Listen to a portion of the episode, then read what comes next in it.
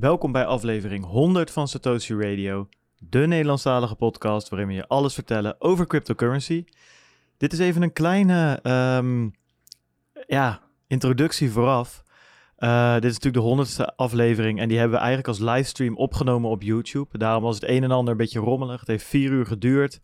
Duurde ook even voordat we alles uh, gefixt hadden aan het begin. Er waren wat problemen met, uh, met, de, met het geluid. dat had ik, niet, had ik niet helemaal onder controle.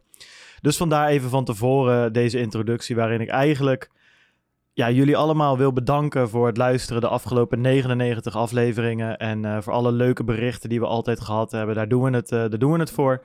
Via deze weg wil ik ook onze sponsoren nog een keer bedanken. Satos.nl, Anycoin Direct, Ledger Leopard, Maven 11, Bitcoin Meester en Watson Law.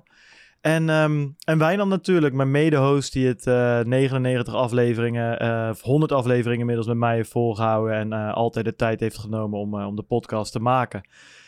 Dat is het eigenlijk. Dus um, ja, jongens, ik heb het aan elkaar geplakt. Ik heb alleen de quiz eruit gehaald. En er is een klein stukje van het interview met Willem-Jan, de eerste gast, weggevallen. Maar voor de rest is het er best goed uitgekomen. Ik wens jullie heel veel plezier en ik hoop jullie de, af, ja, de komende 100 afleveringen ook weer terug te zien. Adios.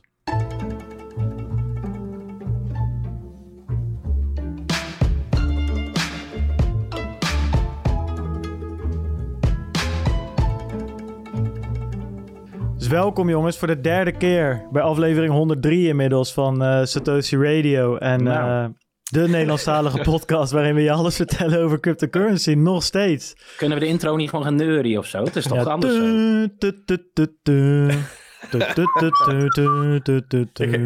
ik herken hem nog niet, nee.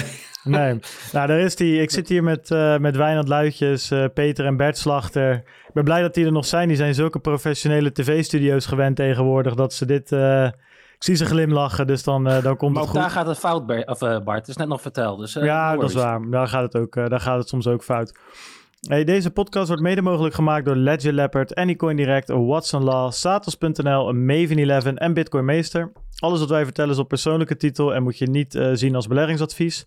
En de rest skippen we en we gaan direct door naar Willem-Jan. Willem-Jan, leuk dat je er bent. Thanks, dat gaat wel goed. Ja, leuk om er te zijn. Proficiat allereerst met 100. Ja, Beetje thanks. problemen, maar uh, met zo'n mijlpaal, dat, uh, dat, dat is jullie meteen vergeven. Ja, gelukkig. Gelukkig. gelukkig Maken we het al zorgen hoor. Ja, ik wou net zeggen, ik bedoel, uh, we verliezen luisteraars, sponsoren, we houden niks over Wijnand na deze, na deze aflevering. Nou ja. ja, ja, weet je, hoort erbij. Weet je, je neemt risico met live te gaan voor zo'n groot publiek. Ja, dan kan wat fout gaan, jongen, no worries. Ja, ja, het was allemaal getest, hè. Deze week tot ja, twee uur s'nachts uh, zitten testen. En uh, toen, toen lukte het allemaal. Nou ja, anyway, volgens, mij, volgens mij werkt het nu allemaal aan de chat, aan de chat te zien. Hey Willem-Jan, wat we aan jou wilde vragen. Jij bent natuurlijk uh, advocaat en je bent al eerder in, uh, bij ons te gast geweest uh, om, om te praten over crypto en, de, de legal status daarvan. En we waren eigenlijk wel benieuwd wat jij, ja, hoe jij nu eigenlijk aankijkt tegen die nieuwe wet die nu door de Eerste Kamer is gekomen. En of jij daar een beetje mee te maken hebt. Nou, het is, daar is het behoorlijk druk mee op het moment. Deadline is 18, uh, 18 mei voor partijen die zich willen registreren. Dus ja, er worden her en der nog wat puntjes op de i gezet. Um, sinds afgelopen maandag is die, is die termijn bekend. Dus um, ja, daar zijn we flink mee bezig. Maar stelt dat veel voor, het, re het registreren? Normaal weet je, als je ergens je account registreert, is het natuurlijk minutenwerk. Maar hoe intensief is het? Wat moeten we ons, waar moeten we ons bij voorstellen? Nou, het is zeker, nou, het is zeker meer dan, uh, dan, uh, dan minutenwerk. Je moet wel serieuze documentatie aanleveren. Het gaat er met name om dat je inzicht geeft in, uh, in hoe de bedrijfsvoering eruit ziet. En dat je een goed plan hebt op het gebied waar die wet op ziet. Hè? Dus dat gaat het over anti-witwassen, tegengaan van, van, van terrorismefinanciering. Um, dus ja, als je daar een goed plan hebt, een goede maatregelen hebben, dan, dan is het de kwestie van dat opschrijven en indienen. Um, maar ja, uh, dat, uh, daar komt nog wel wat bekijken. Dus het is meer dan alleen maar een accountje aanmaken. Zo te zeggen. Ja, precies. Maar het, in, het, het opschrijven en bedenken, dat, dat is natuurlijk het, uh, ja, zoals wij vaak zeggen, het opzetten en wellicht het bestaan. Maar het implementeren, hoe lang hebben we daarvoor dan? Wat heb je daar een idee bij? Idee bij? Hoe bedoel je het, implementeren? Nou ja, kijk, ja, nu, nu ga je procedures beschrijven, vertellen met de registratie hoe je het voor elkaar zou hebben. Hè? Wat is dan de deadline om dat ook echt geïmplementeerd te hebben? Is daar al duidelijkheid over? Nou, die, die wet geldt. Dus je moet er gewoon per uh, 18 mei aan voldoen. dus hmm. dan moeten die maatregelen er ook zijn. Maar als je kijkt naar de markt, dan, dan, zijn daar, dan worden daar al heel veel beheersmaatregelen genomen. Dus de, de, de dienstverlening die, die, die er is, die is sterk ingekaderd. dus, dus je kan niet zomaar gebruik maken van een wisselplatform. Je moet vaak registreren. Nou ja, Ehm, dus, dus heel veel partijen hebben daar al, eh, ehm, eh, al maatregelen voor. Ehm, dus dat is ook wel noodzakelijk om, eh, om die deadline nu te halen. Hey Willem-Jan, wat, wat, wat, is het, wat is het sentiment nu onder, onder de bedrijven waar jij bij betrokken bent? Nou ja, dat, dat, we, we, weten allemaal de voorgeschiedenis. daar hebben we het eerder over gehad en Simon Lelyveld heeft daar ook heel veel over verteld. Uh, dus, dus wat dat betreft is er wel, wel een dubbel gevoel. Uh, positieve eraan is dat, dat, dat er wel de verwachting heerst dat dit aan de branche uh, meer legitimiteit gaat geven. Dus dat je het stempel krijgt van je bent geregistreerd bij de Nederlandse bank en je procedures zijn in principe daar ook gewoon door geaccepteerd. Ja, dat, dat, dat geeft wel, ehm, ja, wat ik zei, legitimiteit aan, aan die bedrijven. En hoe geloofwaardig uh, vindt men de uitspraken van, van Hoekstra, die hij in de Eerste Kamer liet vallen? Ja, dat, daar, daar zien we nu de gevolgen van. En dat, dat is voor, voor die betrokken partijen wel super, uh, ja, heel erg zuur. Um, dat, dat zijn voor kleine innovatieve bedrijven natuurlijk gewoon grote kosten. Um, en en, en um, op een hele, op een hele markt valt het voor sommige partijen misschien mee. Maar de klappen vallen juist bij, bij de kleinste. En nou ja, jullie hebben het er vorige week over gehad, over zo'n voorbeeld. Uh, bitter. Um, nou, de, deze week komt het nieuws uh, naar buiten dat ook. Um, Bitkassa. Ja. ja, dat, dat is natuurlijk eeuwig zonde, want het zijn gewoon super innovatieve bedrijven met, met, met heel veel know-how en kennis erachter. En dat is jammer. Nou, dat, dat is gewoon verschrikkelijk dat dat, dat, dat hierdoor weggaat. Ja, ja, ja, zeker. Echt buitengewoon spijtig. Hey, en um, ik geloof dat, het, uh, dat er 1,7 miljoen beraamd was hè, als toezichtskosten voor, uh, voor dit jaar nog. Dus dan hebben we het over negen maanden of, of acht maanden of iets dergelijks. En, ja, dat uh, altijd steeds genoemd wordt, ja. Ja, en, en dan, dan was nou de, de verhaallijn van, uh, nou ja, ja, goed, dat, dat gaan we, dat, we begroten nu dat ongeveer 70 partijen zich gaan inschrijven. Dus, uh, dus met die kosten, dat valt wel mee. En oh ja, als het dan volgend jaar toch blijkt dat er minder waren, dan krijg je dat achteraf alsnog gewoon eventjes uh, per factuur toegezonden. hoe, hoe, kijk, hoe kijkt men daar dan tegenaan? Verwacht je dan verwacht je volgend jaar nog, nog flink hogere kosten dan wat er nu naar buiten wordt gebracht? Ja, dat is voor mij heel moeilijk in te schatten. Um, want er zitten twee kanten aan die medaille. Aan de ene kant gaat het om het aantal bedrijven. Aan de andere kant om de daadwerkelijke kosten. Um, maar ja, dat, dat, dat is ook weer zeker voor de, voor de kleinere uh, spelers. Uh, zijn dat wel heel erg lastige dingen om, om mee om te gaan. Omdat het feitelijk een blanco check is als je, er, eh, als je ervoor inschrijft. Ja, en wat ik ook las, en dat vond ik dan wel weer een beetje een vreemd verhaal. Dat er in, het, in, het, in, in dat nieuwsbericht van wat van de DNB kwam, of uh, in, in dat verhaal, dat er stond van ja. We verwachten juist dat er veel nieuwe toetreders bij gaan komen en dat daardoor de kosten ook lager uit gaan vallen. Maar ja, dat effect zie ik nou niet. Ik, dat werd verder niet uitgelegd en dat vond ik een beetje Bedoelden ze daar misschien dat eh, banken, et cetera, zouden applyen, eh, andere maatschappijen? Ja, dat, dat zou kunnen. Zou dat een gedachte zijn geweest? Het kunnen twee typen twee type partijen zijn, denk ik. Dus eh, wel, ja, ik weet het niet, maar de, het kunnen twee, denk ik, twee typen partijen zijn. Aan de ene kant um, branchevreemde partijen, dus institutional, waar je het over hebt. Maar het zouden ook buitenlandse partijen kunnen zijn. Uh, dus als je je actief richt op de Nederlandse markt, en, en, en we hebben in Nederland heel goed betaalsysteem. Dus als je bijvoorbeeld Ideal gebruikt, richt je je op de Nederlandse markt. Uh, moet je dus registreren. Dus het zou best kunnen dat er van dat type bedrijven ook nog uh, uh, een aantal bij komen. Maar ging de DNB dan niet uit juist van de toezicht vanuit die andere landen? Want ze gingen geen actief toezicht houden in het buitenland, toch? Was het idee? Of moeten ze dan wel toezichtkosten betalen?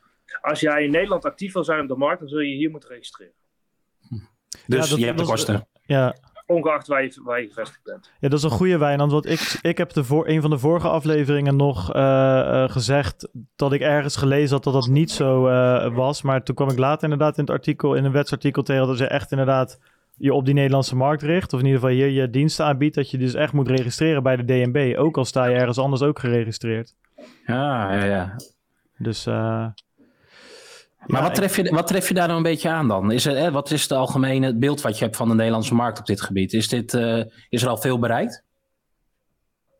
Uh, wat bedoel je met hoe bedoel je dat? Nou ja, dus ja, met de registratie krijg je een goed beeld wat uh, de volwassenheid is van de Nederlandse markt, hè, om te voldoen aan deze nieuwe wetgeving. En dat is bij ons behoorlijk wat, hè? dus uh, je customer, maar ook transactiemonitoren. Wat zie jij daarvan? Heb je daar een, kun je daar een beeld van geven of is dat nog te vroeg? Nou ja, zeker. Dat, dat, kijk, dat, dat beeld hebben jullie denk ik ook wel zeker van, vanaf de buitenkant. Kijk, je weet dat je dit soort diensten over het algemeen niet zomaar kunt gebruiken. Dus, dus dat, dat, uh, dat er gefaseerde drempels zijn um, uh, die ingesteld zijn. Dus, dus waar het om gaat is dat er cliëntenonderzoek wordt gedaan. Uh, en, en, dat merk je als klant, dat dat, dat gebeurt. Nou ja, aan de achterkant gebeurt ook een heleboel. Um, en, en die maatregelen die, die daar genomen worden, ja, die, zijn, die, die waren er al. En die, dus in die zin gebeurt er veel, ja. Hey, wat, hey, mag ik, even, ik zie een vraagje tussendoor komen, dat vind ik wel goed. Hè? Stel zo'n Coinbase, om een grote speler te noemen, die uh, biedt hier zijn dienst aan. Hoe ziet dat er dan precies uh, uit, die, uh, die registratie voor hun? Moeten zij dan het, hetzelfde doen als bijvoorbeeld een, een Nederlandse broker, of, of ligt het toch ja. anders nog? Nee, als zij, als zij echt dus actief gaan zijn op de Nederlandse markt, um, dan zullen zij hetzelfde moeten doen als, okay. als partijen die hier nu al actief zijn. Uh, en in die zin, ja, hè, zo, dat soort type partijen hebben wel een, vaak een, een, een moeilijke structuur. Um, dus, dus in die zin is, is de drempel voor hen nog een, stukje hoger dan voor, voor kleine bedrijven met een simpele structuur. Ja, maar, maar ook weer niet. Want ik, ik, ik denk wel dat nuancering op zijn plaats is. Tenminste, ja, verbeter me als ik het verkeerd zeg hoor. Want ik kan me herinneren bij het lezen van die wetteksten. Ik heb geen idee waarom ik me dat herinner trouwens. Ik hoop dat het weer snel weggaat ook. Um, dat, dat, het, um, dat zo'n bedrijf zich inderdaad, hè, dus als die zijn intentie kenbaar maakt op de Nederlandse markt, dat ze een commerciële verbindenis aan willen gaan met Nederlandse klanten, dan moeten ze zich registreren. Als ze die intentie niet kenbaar maken, hè, dus een Coinbase is gewoon in Amerika actief, accepteert registraties vanuit Nederland, maar doet verder niets met de Nederlandse markt, advertenties of wat dan ook, hoeven ze zich niet te registreren. Dan heb je natuurlijk wel onwijze naastbekendheid al mee. Ik bedoel, ja, Nederlanders? Daar heb je gelijk in. En dat is wat Bart net ook zei. Er zit een verschil tussen actief een markt betreden. Uh, en, en dus hè, uh, wat je zegt, adverteren. Um, um, nou, in Nederland kent iedereen Engels, maar bij wijze van spreken een Nederlandse website hebben. Uh, maar ook typische Nederlandse betaalmiddelen aanbieden.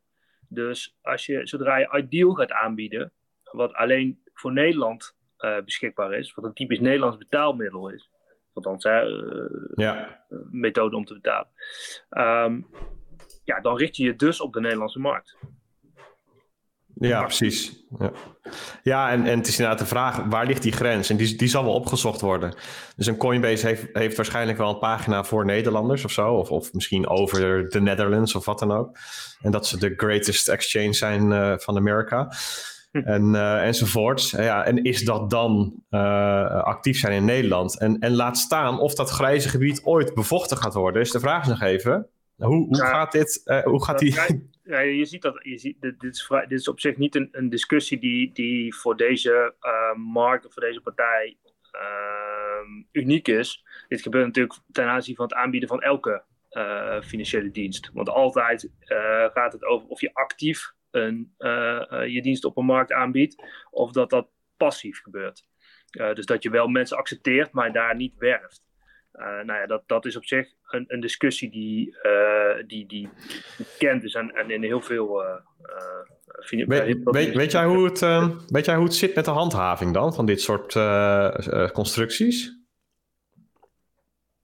Um, hoe bedoel je dat precies?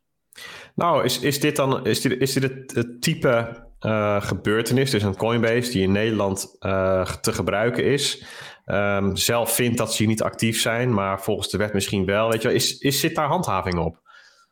Nou ja, als dat, als dat zo is, dan, dan uh, we hebben dat voor deze wet nog niet gezien. Uh, maar dan mag je aannemen dat, uh, dat, dat, dat daar zeker handhaving op zal plaatsvinden. Je ziet in andere branches bijvoorbeeld het aanbieden van effecten in Nederland zonder, zonder prospectus. Dat daarop gehandhaafd wordt, ja. In dat ja, op, op, op goksites toch ook? Komt, het woord dat gaat, als het gaat over de registratie van dit, van dit gebeuren, dan, dan is dat, zijn dat vier zinnen. En als je ziet in welke proportie dat in Nederland is uitgevoerd, is dat, uh, is, is dat uh, heel groot. Um, en in andere landen wordt dat heel anders aangevlogen. En, en, en dat is echt de gemiste kans. Dat, dat er niet gewoon een, een, een, een, op dezelfde manier in heel Europa gebeurt. Ja, ja, ja zeker. Ja, top. Um, ja, Willem-Jan, thanks uh, voor het inbellen. Um, en bedankt voor het afgelopen jaar ook. Ja, jullie bedankt. Ik heb met heel veel plezier naar geluisterd en uh, uh, veel interessante, uh, smeuige, leuke dingen voorbij zien komen. Um, voor horen komen met name. Dus thanks en op naar een mooi nieuw jaar. Yes. Proost. Joe. hey, dankjewel. doei doei. Ciao. Joe. Oké, okay, uh, jongens, uh, de stream klapte er net weer even uit voor een paar seconden, maar die is weer terug. Um, het is oh, niet, de meest, niet de meest relaxed aflevering die ik uh, heb meegemaakt, moet ik je heel, heel eerlijk toegeven. Ik hoorde jou net opeens een aankondiging doen, dus ik was ook helemaal confused. Wat gebeurt hier? Maar dat was een andere stream, want ik had hem ook aanstaan. Maar goed, uh, Dus uh, nou ja, als het goed is, is die, uh, is die weer terug.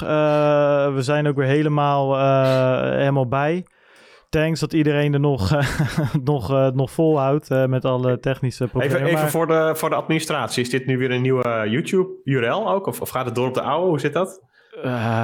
poeh. Volgens mij... Um, volgens oh, mij op de oude. Ik weet niet, ik zie mensen terugkomen. Dus dat, dat moet helemaal goed komen. Um, okay. Aflevering 104 en counting. ja, precies. Zo gaat hij hard. Misschien halen we de CryptoCast nog in op deze manier. um, Nee, dus dat, uh, dat, uh, dat, dat gaat hartstikke goed. Um, even kijken hoor. Uh, wat wilde ik nog meer eventjes tussendoor, tussendoor zeggen? Ik kan, um, de stream, ik kan de stream niet vinden hoor, Bart. Dus misschien ja, wel, mensen kunnen hem vinden. dus we hebben... De kijken mensen nu. Hij staat in de Telegram-chat. Is die, oh, oké. Okay. We hebben wel een nieuwe. Ja. Hij doet het weer.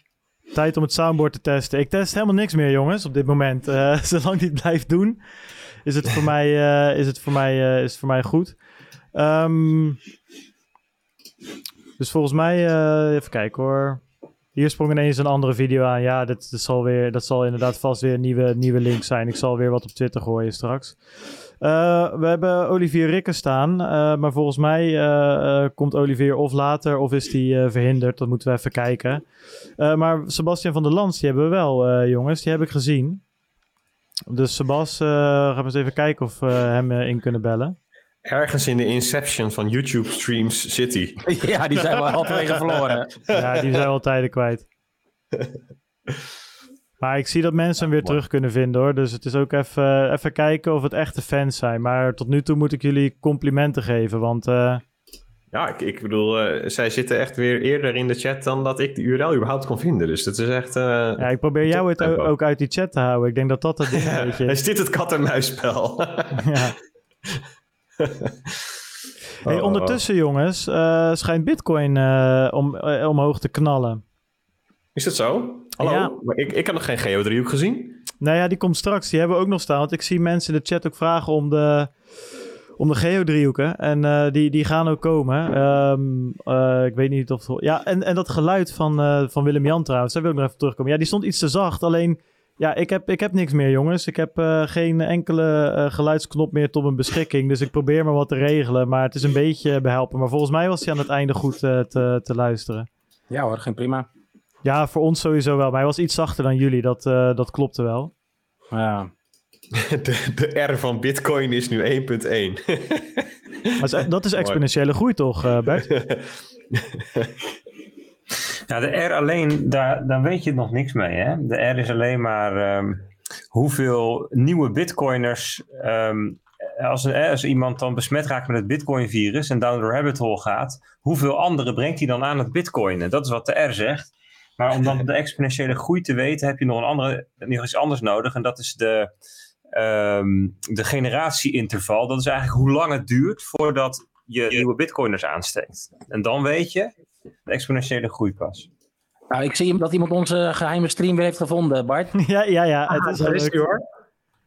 In de Bitcoin trui. Ja, heel goed. Oh, Kijk eens aan. super. Ja, Ja, ja. ja, mooi. Heel mooi. Oh. Gefeliciteerd jongens, geweldige mijlpaal. Dat gaat elke gast tegen jullie zeggen natuurlijk, maar wauw, wauw, wauw, geweldig gedaan. Thanks. Hey, en wat jij geweldig gedaan hebt, dat vertelde je in de vorige aflevering, dat je voor de Europese Commissie eh, WordProof mocht gaan eh, presenteren. En wij vroegen ons af hoe dat gegaan is. We zouden daar eind maart zouden we de eh, uitkomst daarvan krijgen. Ja, Ehm, die is er nog niet. We hebben vandaag wel, eh, of van de week een mailtje gekregen. Ehm, met eh, sorry, sorry dat het wat langer duurt. En we moeten nog eh, deze legal formu- formulieren van jullie ingevuld hebben. De uitslag is er nog niet. En voor de mensen thuis, dat is inderdaad de Blockchains for Social Good eh, competitie. Daar hadden 178 blockchain-initiatieven uit Europa aan meegedaan. Ehm, de prijs is vijf keer 1 miljoen cash om het eh, in een project te stoppen. En we zitten bij de laatste 23, dus nog even fingers crossed. eh, met z'n Dat zou nice zijn. Ja, dat zou echt geweldig zijn. En, maar überhaupt het feit, en dat, dat is natuurlijk ter verdediging van mezelf dat ik dit nu zeg, maar eh, überhaupt het feit dat we al bij die laatste 23 zitten, die, eh, ik denk dat we er iets van 500 uur in gestopt hebben om al dat hele plan te schrijven. Dus überhaupt dat we door al die hoepeltjes zijn, daar zijn we al super trots op. Hey, en als je jezelf nou afzet tegen hetgeen waar je tegen, je, tegen je concurrenten, wat valt je dan op? Maak je een goede kans of eh, ben je ook onder de indruk van anderen? De rest was waardeloos. Nee, nee, nee. nou ja, makkie dan. de competitie was echt goed. Ehm, waar, ehm, kijk, ja, al- als ik, ik, ik ga even een pitch voor onszelf doen. Wij doen aan het timestampen van content. En wat wij wel heel goed doen, is dat we niet zozeer. ehm, wij hebben niet een appje, maar we hebben echt een heel ecosysteem eh, bedacht, open source, wat aansluit op standaarden die er al zijn. Om je een idee te geven, je hebt bijvoorbeeld Google. Hoe leest Google websites? Hoe weet je dat Bart niet een woord is, maar een naam? Daarvoor gebruiken ze schema.org. eh, of structured data heet dat in de online marketing. Waar WordProof al zijn tijd in stopt, is de lobby om in die bestaande standaard te komen. In plaats van op ons eigen GitHub een standaard en eh, handen tegen elkaar en bidden dat het eh, geadopteerd wordt. Uh, dus wij waren uh, echt, de, ik durf te zeggen, de enige partij met de holistische gedachte van: hey, hoe kan het het volledige internet beter maken in plaats van alleen onze klanten? En um, er waren, de, een van de eisen was dat er een live demo gegeven werd. Je moest drie minuten een presentatie geven en twee minuten een live demo. Wij waren de enige van de 23 die echt een live demo gegeven hebben. De rest had een videootje. Dus uh, ja, we hebben wel ballen getoond en ik hoop dat dat ook beloond wordt. Nou, dat klinkt, best, dat klinkt wel goed. Maar wat, dus nu is het legal en dan wanneer hoop je het nu te horen? Dan is er, ja, het duurt langer. Maar oh, is iets... denk. Uh, ja, denk. ik, ik, hoop het uh, morgen te horen, maar ja, kijk, um, ik, ik, heb geen flauw idee. We hebben een tijdje niks gehoord. Dat was meer dan anderhalf maand later, dus we, we weten het niet. Um, het kan zomaar nog twee maanden, drie maanden duren. Uh, voor hun zal het ook een gekke tijd zijn dat ze, uh, ja, met de corona, dat misschien de mensen van het project afgehaald zijn. Dit was voor hun ook, omdat normaal met subsidies werk je heel erg met urenverantwoording en dat soort dingen. Dit was echt een prize, echt een soort grant. Dus voor hun was het ook een relatief nieuw type manier van distributie van fonds. Die zetten zeker op de corona-apps, denk ik. Hè? Daar zijn ze druk ja. met z'n allen. Die waren net te laat voor het meedoen. Tenzij uh, ja, uit China. Nou, dat is wel goed ook. ik weet niet of je de Nederlandse goed hebt bijgehouden, maar... ja, ja, ja. Oei, oei, oei. Nou ja, het is zo zonde dat het... De, ze hadden natuurlijk bij voorbaat al schijn tegen met al privacy verhalen. ja. Hey Sebastian, kan jij in een paar uh, zinnen uitleggen aan mij wat, um, uh, hoe WordProof bewijst dat ik, dus ik heb een artikel uh, geschreven, dat, dat dat van mij is, dat ik de eerste was? Um, hoe, kijk, wat we doen is een, een hash maken van de content en dat stop je in de blockchain. Um, de enige manier om dat echt aan te tonen is als jij zelf op het moment dat je publiceert um, die timestamp ook plaatst. Want als, jij, als er content al live staat en de timestamp is van later, ja, dan heb je andermans content kunnen, uh, kunnen claimen, zeg maar. Ja, precies. En uh, wat bedoel je met de timestamp? De timestamp de, de, van, van, van de blok die, waar, waar de hash in, in is opgenomen? Of? Nee, wat, wat wij doen, dus uh, um, wat blockchain of wat, wat Wordproof doet, is we uh, hebben. Je hebt content. Content heeft een bepaald DNA. Dus content kan revisies hebben, vorige versies, kan een titel hebben, heeft een datum waarop het geschreven is, een URL waarvan je kan kiezen of je die wel of niet wil mee timestampen. Uh, daar maken we op een open source manier een, een hash van, eigenlijk de unieke fingerprint van die content. En die zetten we in een blockchain transactie. En wij doen dat op uh, EOS zijn we begonnen, maar ik heb een scoopje voor jullie zometeen uh, na, na dit verhaal. Uh, we zijn Iedereen krijgt een bitcoin. Iedereen hoeveel staan, hoeveel staan voor de halving? Ze waren nu nog goedkoop om in te kopen. Um, hoeveel luisteraars hebben we? nou, dat lukt wel met dat miljoen hoor. Ah, Zometeen valt de stream uit, dus dan heb je, hoef je er maar vier weg te geven. beloof, beloof me niet dat, uh, of beloof me dat je niet. Um, even, eh, oi, oi, oi. Nou ja. Uh, beloof me dat je dit niet timestampt, dan hebben we niet het bewijs dat dit gebeurd is. Uh, maar die, die hash, die unieke fingerprint van die content, die stoppen we in de blockchain. En waarom deden we dat met EOS? Uh, omdat je met EOS heb je half second block times. Dus dan kunnen we ook echt, we doen bijvoorbeeld voor de persgroep timestampen we uh, een titel. Um, ja, op het moment dat je publiceert, half seconde daarna, is die timestamp geplaatst. Uh, waardoor je eigenlijk niet een ander kan zeggen: Oh, ik pak die content ook en ik timestamp het. Voordat jij het zelf getimestampt hebt. Maar goed, de, de, de voorwaarde is dus dat als je iets nieuws produceert, dat ja. je direct timestampt. Ja, en dat is ook waarom we, uh, kijk, de plugin die we gemaakt, we zijn begonnen met een WordPress plugin. Waarom WordPress doet inmiddels sinds begin van vorige week 36% van alle websites op het internet. Um, we hebben, je kunt vanuit je wallet kan je zelf timestampen manually. Maar wat hebben we gezien voor veel uh, journalisten of editors is dat een complex proces. Dus we hebben een tool gemaakt, WeStamp for You. Met dat WeStamp for You uh, kunnen wij namens jou uh, een timestamp plaatsen. En nu hoor ik iedereen denken, ho, ho, ho, als wij namens mensen timestamps plaatsen, dat is centralisatie. Um, en terecht, goed punt. Wat er het mooie is aan in EOS IO, in die software zit een soort permissiesysteem waarvan je kan zeggen, Um, hey, dit is mijn account. Ik heb mijn uh, trade private keys. Eén is mijn owner, nou, voor de kluis en één is active voor de dagelijkse transacties. Maar ik kan een ander account of smart contract kan ik alleen de permissie geven om alleen voor deze specifieke site namens mij te stampen.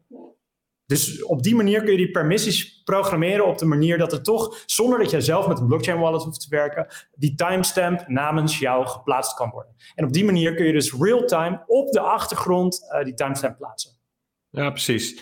En ja, dat is wel cool. En um, um, wat, wat is nou wat wordt ermee gedaan? Dus oké, okay, we hebben, we hebben zo'n timestamp, we hebben hem gehashed. Het is, staat in de blockchain. Dat, dat, heeft, een blockchain. Ja, dat heeft tot dat moment vooral uh, marketingwaarde wellicht. Uh, wat, is, wat, wat, is, wat gebeurt er daarna? Zeg maar, wat, wat is de waarde die je dan in de echte wereld toevoegt? Wordt dit gebruikt om disputen op te lossen? Is dit, welk probleem in de echte wereld lost het vervolgens op? Uh, twee, waarvan eentje degene is waarmee we begonnen zijn. En daarna de, de tweede die ik zelf interessanter vind. Of dat mag ik niet zeggen, ik hou van al mijn kinderen. Maar uh, de, de eerste is, in copyright disputes is het super handig. Dus wat zagen we? Je hebt Blom Blom. Dat is een design studio, die case het ook op onze website. Die maken geweldig mooie lampen. Heel veel schuurwerk en met een uh, nou, klein bedrijf, echt ambacht. Mooie lampen. Die haalden ze uit fabrieken in Duitsland, opknappen en verkopen. Die besteden heel veel tijd aan de content op hun website. Uh, dus mooie afbeeldingen, mooie teksten schrijven ze echt een paspoortje per ding. Maar wat gebeurde er aan de lopende band? Een paar keer per maand werden die advertenties van hen werden gewoon gekopieerd door iemand op eBay, een wederverkoper. Die liet in China die producten namaken. En zij hadden geen poot om op te staan. Want wat kost een advocaat per uur? Nou, zeg 250 euro. Uh, je moet alle dossierwerk doen om te verzamelen dat jij inderdaad die lamp had. En dan kan je een keer naar eBay toe om uh, te zeggen: hey, um, die, dit, dit is onrechtmatig, haal het er vanaf. Ja. Met WordProof hebben zij nu een paar keer geprobeerd. Met één klik kunnen zij een brief genereren in de achterkant. Nadat die uh, lampen en producten getimestamped zijn. Um, in een paar minuten hebben ze vanuit My WordProof hebben ze dan een brief gegenereerd, hebben ze naar eBay gestuurd en ze hebben een tot nu toe een 100% succesrate op het naar beneden halen of, of op het down, uh, takedown van de eBay-advertenties. Dus zij kunnen daarmee echt tegen de gigant uh, ja. eBay een prijs maken, omdat ze de case hebben. Maar dat, dat zullen ze wel zelf op zoek moeten gaan naar vervalsingen. En dat is een van de dingen waar we aan werken. Dus we hebben nu een check erin zitten van hey, plaatjes uh, opzoeken, want daar zijn veel tools van. Wat er binnenkort in komt is ook op teksten, plagiaatteksten. Dus dat er ook die monitoring in zit. Maar dat zijn aan zich geen nieuwe diensten. Er zijn al heel veel services die dat soort dingen doen. Um, dus daar zijn we nu ook de integratie mee aan het opzoeken. Maar dat is de copyright use case. En de tweede is, uh, ik, heb, ik doe die WordPress-wereld, daar zit ik al heel erg lang in. WordProof gaat verder dan WordPress, maar uh, dus ik ken heel veel mensen. Ik run 13 jaar het bureau van ons, het grootste WordPress-bureau van Nederland. En um, we, ja, even pluggen hoor, waar dat, dat, Ja. dat, dat maakt dat ik, Hoe, heet die? Hoe heet die precies? van ons. Waar, ehm, daar, heb- ik ken heel veel mensen ook in de online marketingwereld. Ook eh, mensen die plugins runnen, die op meer dan 10 miljoen WordPress-sites runnen. En die zeggen, hey, er is een probleem in Google. Als mensen een eh, artikel slechts de datum wijzigen, dan ehm, komt die al hoger in Google, tijdelijk. En daarna zakt het weer even weg. Eh, maar met een timestamp kun je aantonen dat jij niet gerommeld hebt met die data. Mhm. Dan heb je een tweede ding, dan heb je duplicated content. Dus als twee partijen ehm, dezelfde content publiceren, dat gebeurt heel veel, want er wordt veel content gestolen, dan eh, krijg, geeft Google de penalty aan degene die het eh, meest recent dat ook publiceerde. Maar het probleem is, als jij een heel kleine website bent en er is ook een grote website, die grote website die kopieert het van jou. En bij grote uitgevers kan dat rechtmatig zijn, omdat ze zeggen, oh, op de, de lokale titels publiceren we, de content die succesvol is, die herpubliceren we op eh, de grote site. Uh, maar Google kan dat dan zien, hey, die kleine site heeft het gepikt, want dat, daar is het later gevonden, waardoor er een penalty bij de verkeerde site terechtkomt. En uh, hoe wij het nu doen, is we integreren die blockchain timestamp. Uh, die integreren we, en die is chain agnostic, die integreren we in schema.org, in de structured data, zodat je op een open source manier kan aantonen dat je niet gerommeld hebt. Uh, A, uh, en als je dat weer koppelt aan identiteit straks, Ledger Leopard doet geweldig werk, we zijn veel met elkaar in gesprek, Jeroen komt ook zo volgens mij. Die, um, als je daar ook nog identiteit aan toevoegt, dan kun je helemaal een uh, oplossingen, fake news, dat soort dingen doen. Maar zonder de identiteit, puur die timestamp al, kun je de integriteit van, in ieder geval de datum in content en de chain van de revisies, kun je aantonen. En dat is heel interessant, want het kan online marketing veranderen. Hey, en, en, en wat um, voor, wat, sorry, nog één vraag. Wat voor waarde heeft uh, de hash nog? Hebben in, in theorie um, de hele hash veranderd met het veranderen van één, één karakter natuurlijk. Hè? Dus, ja. dus, dus het is dan niet meer aan te tonen dat, dat het een gelijk is aan het ander. En dan is het alsnog een manueel proces, zo'n procedure lijkt me.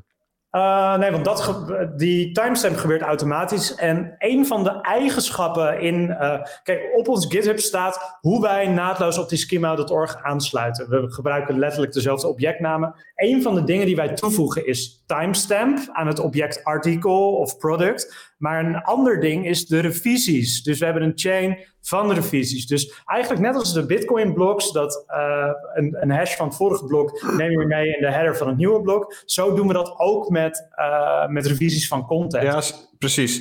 Maar goed, als ik nu, uh, hey, je hebt een artikel gepubliceerd, weken later uh, rip ik daar de helft van. Ik combineer ja. het met, met wat andere tekst. Bedoel, de, ja. het, het levert een andere hash op. Zeg maar, uh, puur, puur kijkend naar wat er op de blockchain is opgeslagen, heeft dat op zichzelf weinig waarde meer. Zeg maar, wat, wat want ik neem aan, de meest slimme con-artists, die gaan niet één op één iets, iets kopiëren. Dat, dat, die veranderen één leesteken, bij wijze van spreken. Nou ja, ik mag hopen iets meer. Maar, eh, dus de, de, ja, Hoe doen jullie dat, mensen... uh, Peter, op Lekker Cryptisch? nee man, wij gebruiken WordProof. hey, maar volgens mij hebben we dit ook best wel in de, in de uitzending. Welke uitzending was dat, joh? Kan iemand eens even checken? Want uh, daar hebben we deze dingen allemaal ook verder besproken, volgens oh. mij, hoe dat precies in zijn werk gaat. Oh, Ja, oh, Bart, trekt even aan de handrem. Ja, weet je, ik wil ook Bert Sergeo eh nog even de tijd geven straks. Ehm, Oh, oké. Ik, ehm, ik ga weer te diep, sorry.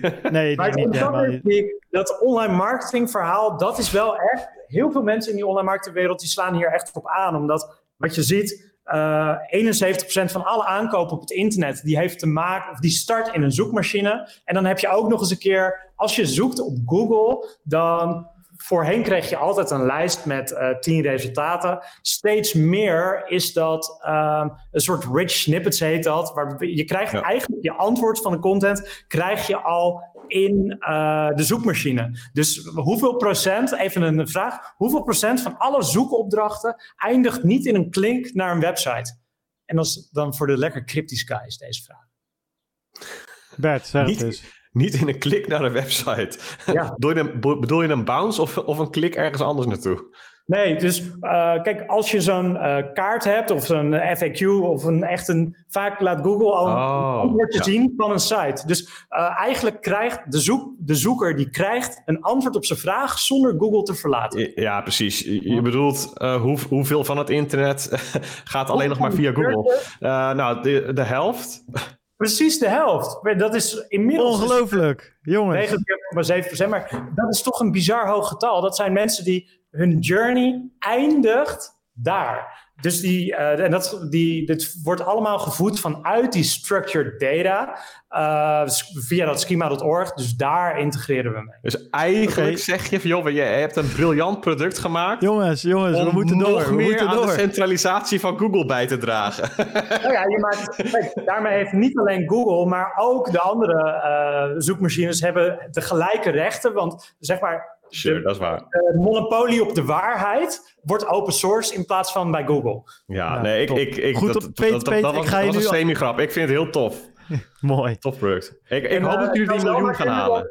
Wat zei? Eh, Ik zei, ik hoop dat jullie die miljoen binnen gaan halen. Dankjewel. En ondertussen hebben we een andere, we hebben, we hebben nog twee andere financieringen hebben we rond. Eh, maar daar mag ik nog niet over praten. Maar ik heb beloofd aan de jongens dat eh, als we het bekend mogen maken, dat ik eh, meteen dat kom vertellen in de show.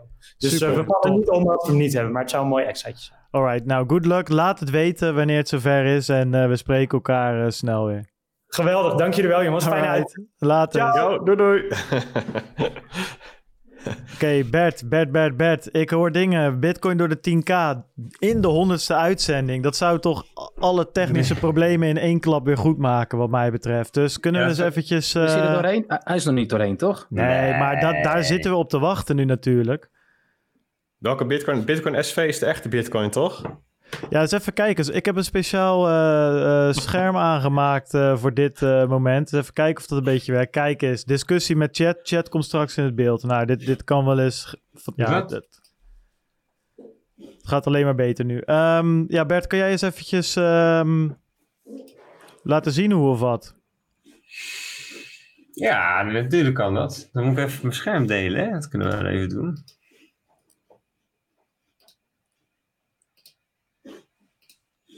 Schermpje komt eraan. Oh, wacht. Dan ga ik weer even terug naar eh, hoe we waren. Yes. We zien je groot op scherm, Bert.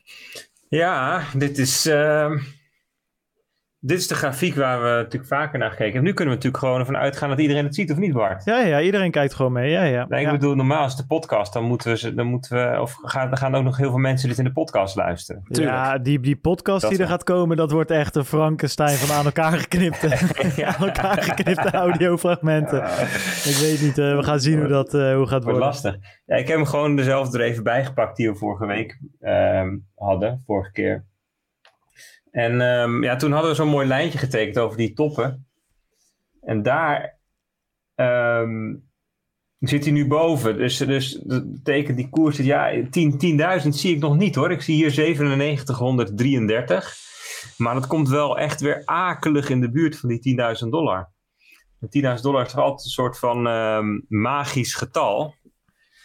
Hoewel de vorige keer dat hij boven de 10k was, dat was op ehm, 13 februari. Zo, dat gaat lekker hier. Van Bart, eh, aangestoken de Bart, denk ik. In, ja, begin februari, 10 februari erboven. En ehm 21 februari zo'n beetje. Dus dat is eigenlijk de laatste keer geweest. En toen hadden we natuurlijk die crash naar 3700 dollar. Dat is gewoon ruim 60% minder dan die 10k. En nu, ja, hij kruipt wel echt naar boven, jongens. 97,45 as we speak. Gewoon weer 10 dollartjes erbij. Nou, ehm, dit is het kaartje wat ik al een tijdje had. Interessant om te zien. Hieronder heb ik die kaart met uh, de hash rate van de miners en de difficulty. En het verschil daartussen, de difficulty loopt altijd achter de hash rate aan. Hè, want die wordt eens in de twee weken wordt die opnieuw berekend. Um, en dat is eigenlijk een soort van momentum indicator, zou je kunnen zeggen, voor, um, voor de rekenkracht. Dus die, in dit grafiekje wordt die rood op het moment dat de rekenkracht aan het afnemen is en groen als die. En wat, wat we vaak zien is dat um, de, dat, dat, dat, dat op het uitbodemen van de rekenkracht en het weer toenemen, dat dat op een of andere manier voorafgaat aan weer um, aan ook weer stijging in de prijs. Um, dat, dat, zie je bijvoorbeeld altijd ook heel heftig bij, bij echte, echte bodems van, van uh, reversals van, van bear naar bull markets. En dat is natuurlijk niet zo gek, want die miners die weten natuurlijk heel goed um, wat, wat er gebeurt in die markt. Wat er gebeurt met, um, met de hardware, nieuwe hardware, uh, met, met de prijzen van energie, met, um, uh, en, en ook met vraag en aanbod. Want die hebben natuurlijk ontzettend veel lijntjes. En dat is hun werk, want ze moeten hun business managen. Dus het feit dat dat nu weer, dat, is, ja, dat was op 25 april, 54 april, die gekruist is. En dan, dan, dan sinds die tijd gewoon alweer bijna 3000 of nou ruim 2000 dollar erbij. Dus dat is interessant. Gaan we nog even iets verder uitzoomen. Dan kijken we naar de kaart vanaf 2016 zal ik maar zeggen. Dat is die ja, toch wel een soort interessante formatie die er ontstaat. We zien, de, de, we zien helemaal links de halving van 2016 en dan aan de rechterkant de halving van 2020. Dus we kijken eigenlijk naar een periode van vier jaar. Dus tussenin zit natuurlijk die top in december 2017 van bijna 20.000 dollar en dan de bodem van 3128 geloof ik. Hangt een beetje vanaf welke exchange je hebt. En dan gingen we weer naar een top van 13.000 en dan weer naar die bodem die we nu pas gehad hebben. En dan, ja, nu zit hij dus, ja, dus, dus altijd goed om uit te zoomen, hè, want dan zie je dat we dat lijntje wat we net hadden, ik kan hem even tekenen, ja, daar lijkt hij dus uit te breken. En zo, maar, maar, maar, maar die grote lijn die loopt natuurlijk net anders. Dus hij, ja, ik zou wel zeggen, dit is allemaal in principe nog gewoon voorspel voor de halving. Die hier, ja, ik heb hem toen getekend op, ik denk je eigenlijk moet iets naar links. En weten we al een datum, jongens, voor de halving? Wat is de datum? Ja, dat verschuift elke keer volgens mij. Het was toch 11 uh, ja. of zo? Ja, vier dagen of zo, toch? Nou, misschien komt hij aan de quiz terug. 11, 11 mei, nou, dat is volgende week. Ja, dus we zitten nu in de, eigenlijk zitten nu in deze, dit is de weekkaart. Dus dit is de laatste candle voor de halving. Kijk, en je kunt natuurlijk, um, als je naar de halving erover gaat nadenken, dan zijn er ook allerlei argumenten waarom um, het met de prijs, prijs niks gaat doen op termijn van weken of maanden. Um, maar ja, we weten uit het verleden wel dat halvings wel echt impact hebben op vraag en aanbod, op, op narratief, op spanning en onzekerheid. Ik bedoel, als de halving voorbij is, dan is het toch weer oké, die hebben we weer gehad. Um, op gedrag van miners, misschien wel op aandacht. Aandacht in de media, wie zal het zeggen? Um, we zagen bij de vorige halving ook dat in Google Trends hè, dat er veel meer uh, op gezocht werd. Ja, misschien nu eigenlijk ook wel kunnen we heel eventjes erbij pakken. Google um, Trends. Gaan we gewoon live doen hoor. Ja, knal er maar doorheen Bert. Ik ben benieuwd. Ja, ik ben ook even kijken. Maar ik moet Bitcoin. wel zeggen... Nou, Taylor Swift en Kim Kardashian gaan lekker, zag ik daar. Ja, ja, ja, ja, ja. Heeft hij ook wat Ja, getweet precies. over bitcoin? Nee, dat is de Nee. standaard waar hij mee begint, dus dat zegt genoeg. Ja, waarom Natuurlijk de dat wereld van eh, Bert tegenwoordig, hè? Kim Kardashian? Nou, ja, ja, ja, ja. ja. Heb je al je eigen real life zo, Bert? Of eh, is de vrouw het daar niet mee eens? Nee, maar dat wil ik ook niet, joh. Oh, Oké, dan, dan is het Ja, goed. dat wrijven we er nog wel in, Bart. eh, dat je... Work in progress. Dat is een Ik zo. zeggen, dat komt wel goed hoor. Daar, daar eh, sterren springen misschien, samen met Patty. Die, die springt al van de duikplank af, bedoel je? Wanneer, Ja, ja, precies. Wanneer was, de, wanneer was de vorige halving nou, jongens? Ja, 2016 ja, lijkt me 16. pak een beet. Zou je zeggen. Nee, is, het, is het echt serieus? Dit kleine piekje de vorige halving en dan dit nu al? Ja, bullish. Als dat zo is, dan, uh, dan hebben we wel heel wat meer. Ja, dus waar we naar kijken is dat. Um, het was altijd zo dat het piekje. of hè, dat, dat, dat de, de interesse op Google in de Bitcoin-halving. Um, in 2020 nog echt onder het niveau lag van 2016. En toen zeiden mensen, hahaha, toen was er meer interesse. Maar als dit dus klopt, dan um, is de allerhoogste punt van de interesse in de Bitcoin-halving in 2016 21 punten op een schaal van 100, waar we dus nu nou, dat projecteert hij dan naar 100 gaan. Dus dat, dat is wel fors. Dus dat betekent, dat gaat toch wel snel, echt in de laatste weken. Luxemburg doet niks anders zo te zien. Die zoekt alleen maar op uh, bitcoin-halving. Met. Ja, Slovenië en Nederland dan derde. Dus dat is op zich wel weer grappig. Maar uh, nou goed, het zou dus kunnen dat er dus wel echt aandacht komt rondom bitcoin. En um, nou ja, ik sprak wat journalisten de laatste tijd. En dan komt het soms ook even ter sprake. En dan zeggen ze wel van ja, het is toch wel echt heel interessant wat daar gebeurt. En uh, ja, wij, wij, wij, wij zouden er wel meer van willen weten. Want het is echt een onbekend fenomeen, dat bitcoin. En ze hebben denk ik wel mensen hebben wel door dat het, um, dat het geen bullshit is. Mensen hebben wel door dat het geen piramidespel is. Daar is het. Te, hè, dat, is, dat is. Dan had het gewoon. Als het, als, het, als, het, als het echt dood was gegaan in 2017, 18. Um, dan uh, dat was eigenlijk wat ze verwacht hadden, denk ik. Hey, hey Bert, wil je eens op. Uh, ik las vandaag een, een artikel dat uh, het aantal Bitcoin-nodes nodes relatief laag is. Ja, dat vond ik ook zoeken. Ben je dat ja. plot op wat, hier, wat we hier dan zien? Oh, op willen zoeken? Op, uh, ja, dus hoe trending is die dan? Hè? Dus het draaien van een nood. Of is iedereen dus nu alleen geïnteresseerd in de, de halving? Ja. En daarmee waarschijnlijk de prijs inderdaad.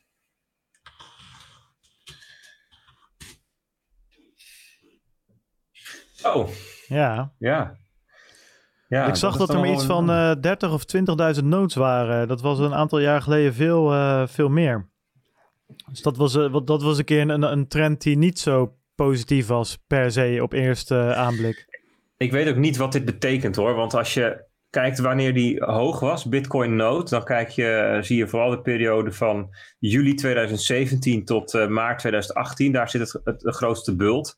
Maar dat is ook de tijd dat er natuurlijk allemaal altcoins kwamen met um, proof of stake en, en um, hoe heet het ook weer, masternodes. Dus ik kan me ook voorstellen dat in die tijd allemaal mensen dachten, ik moet weten hoe ik een bitcoin node draai, want daar word ik rijk van. En intussen is dat natuurlijk weg. Dus uh, conclusies trekken is, vind ik nog wel weer tricky op basis van dit. Ja, nou, maar we goed. trekken ook conclusies, of niet wij niet, maar er worden in de Bitcoin-wereld natuurlijk ook wel conclusies getrokken op basis van hash rate die weer op all-time high staat en dat soort dingen. En ik vond het ook wel interessant wat Wijnand zegt, dat je die, die, uh, het, het, het, het, grafiekje met, met full nodes zie je gewoon om, omlaag gaan best wel fors uh, de, de, afgelopen paar jaar. Dus dat vond ik uh, ook wel een interessante. Ik kreeg nog een andere vraag door. Misschien kunnen we die er nog wel even doorheen gooien. Of heb je nog speciale prijs? Um... Nee hoor. Nee, nee, nee. nee. Wat, wat zeg je Bert, wanneer gaan we door die 10k heen? Voor of nadat je bij Jinex zit? Uh, de voor, want ik, dat gaat denk ik niet gebeuren. Nou, jeetje, dat is de meme. Wen Jinek. Hashtag Wen Jinek, ja. Nou. Ja. Bart, je hebt voor niks al die gifjes gemaakt. Ik wil net zeggen, nou ja, zonde. hey, um, we kregen een vraag door um, in de chat. Even kijken, ik weet niet meer welke chat, want ik heb er een stuk of tien open. Ik ga even onze dingen normaal zetten. Nou, het is echt, uh, ik begin nu weer een beetje af te koelen, maar het was net uh, één grote... Uh, chaos in mijn hoofd. Nog steeds een beetje. Hé, hey, waar staat die, die vraag bij? Want jij had het voor mij naar mij doorgestuurd. Um, of in onze radio. Oh ja, wat kwam er voor jou eerder? Wat was voor jou eerder interessant? Prijs of concept? Jongens. Bitcoin hebben we het dan over. Techniek, concept of prijs? Waardoor nou, zijn jullie eruit? Trap jij maar af? Trap jij maar af?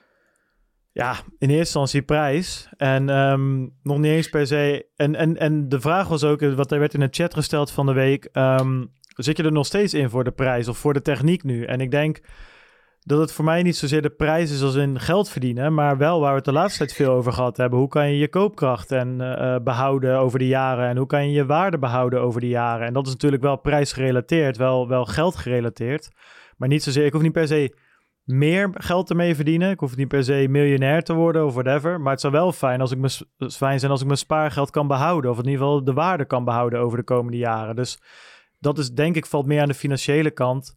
Maar ja, wat, wat dat mogelijk maakt, is natuurlijk de technische kant van Bitcoin uh, dan. Uh, en, en, dat ja, die 21 miljoen en dat daar niks bij geprint kan worden, noem maar op. Dus ik zou zeggen, ik, ik kwam om meer geld te verdienen en ik zit erin nu in om mijn geld te behouden eigenlijk, om het heel kort te zeggen. Dus je bent net als die, eh, dat plaatje van die man uit Indië met al het goud in het voor de technology. Nee, dus je- probeer ik nou juist uit te leggen dat dat niet zo is, Wijnand. Nee, ja, no. die is ook voor de technologie, toch? ja, oké, nou whatever. Waarvoor zit jij erin, Wijnand? Of zit je er? Wat, wat, eh, ja, hoe zit het bij jou? Ik, ik, exact hetzelfde. Nee, momenteel, ik heb alles eh, al lang verkocht. Ik zat echt inderdaad te denken, gaat wat omlaag? En dan zit je te wachten tot het gebeurt. En dan gebeurt het en op dat moment eh, koop je natuurlijk weer niet.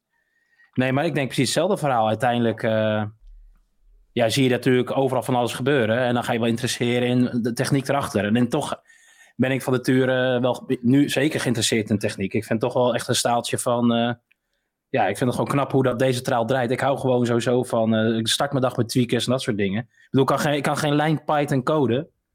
Maar ik moet wel zeggen dat dat... eh, wat gaaf is. En ik vind het economische, zeg maar, vind ik juist het moeilijke. Het, moeilijk om dat te, te, voorspellen en te zien. Hè? Dus inderdaad, de waardevastheid. Ja, wat, wat gaat dat doen? De halving maakt het nog complexer. En dat is denk ik dan ook wel het interessante. Over de, over de, omdat allemaal, al, al die verschillende aspecten... Ja, dat, je switcht ook per, eh, per mood swing, zeg maar. Ja. En hoe zit het bij jullie, eh, slachters?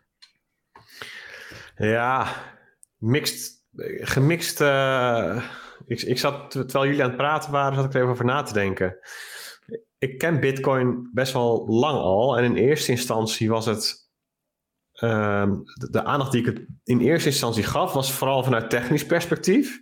Maar dat was ook van korte, vrij korte duur. Ik vond het wel interessant en leuk en nou, naar het volgende toe. Maar het moment dat het echt mijn aandacht heeft gegrepen, weer later, was vanwege prijsschommelingen.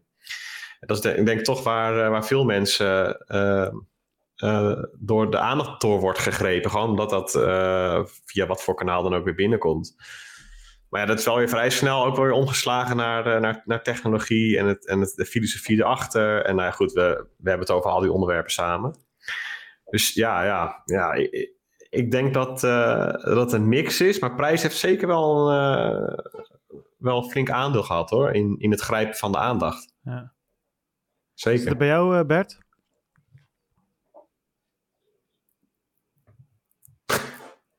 Je staat op mute, Bert. Hij zit even te gamen. Nee. Dansk. Ik hoorde, hem al, ik hoorde hem al op Radio 1 ergens, volgens mij. Moet ook tussendoor. ja, precies. Je hebt ze even in de wacht gezet, neem ik aan. Mhm. Ja, ja, ja, precies. Maar hoe zit het Maar bij jou, wat- Bert? Eh, tech of prijs, hoe ben jij erin gerold? Eh, Oeh, weet ik niet beide. Ehm, ik denk rond het relletje in 2013, 14, toen waren er wat relletjes, ik weet niet eens meer wat het precies was. En toen waren we op het werk ook een beetje mee aan het klooien. En ehm, dat was allemaal heel... Ja, maar dat was meer Litecoin, hè? Ja, dat, dat, ja. was eer, dat was later. Nee, eerst was het bitcoin. Dat was allemaal heel, heel moeilijk, want je had natuurlijk nog niet fatsoenlijke brokers en zo. Ehm, en toen gingen we inderdaad minen. En dachten we bitcoin minen leuk. Maar dat ging toen ook al niet meer met de gewone eh, GPU's Nee. en zo. Dus toen werd het Litecoin. En later nog wat andere meuk. Feathercoin of zo. Maar goed, dat was allemaal... Dat stelde allemaal geen hol voor. Oh, toen we dachten ging- dat we rijk werden met Feathercoin. Ja, toen ging, ging dat... En, en toen geloofde we het eigenlijk ook wel weer of zo.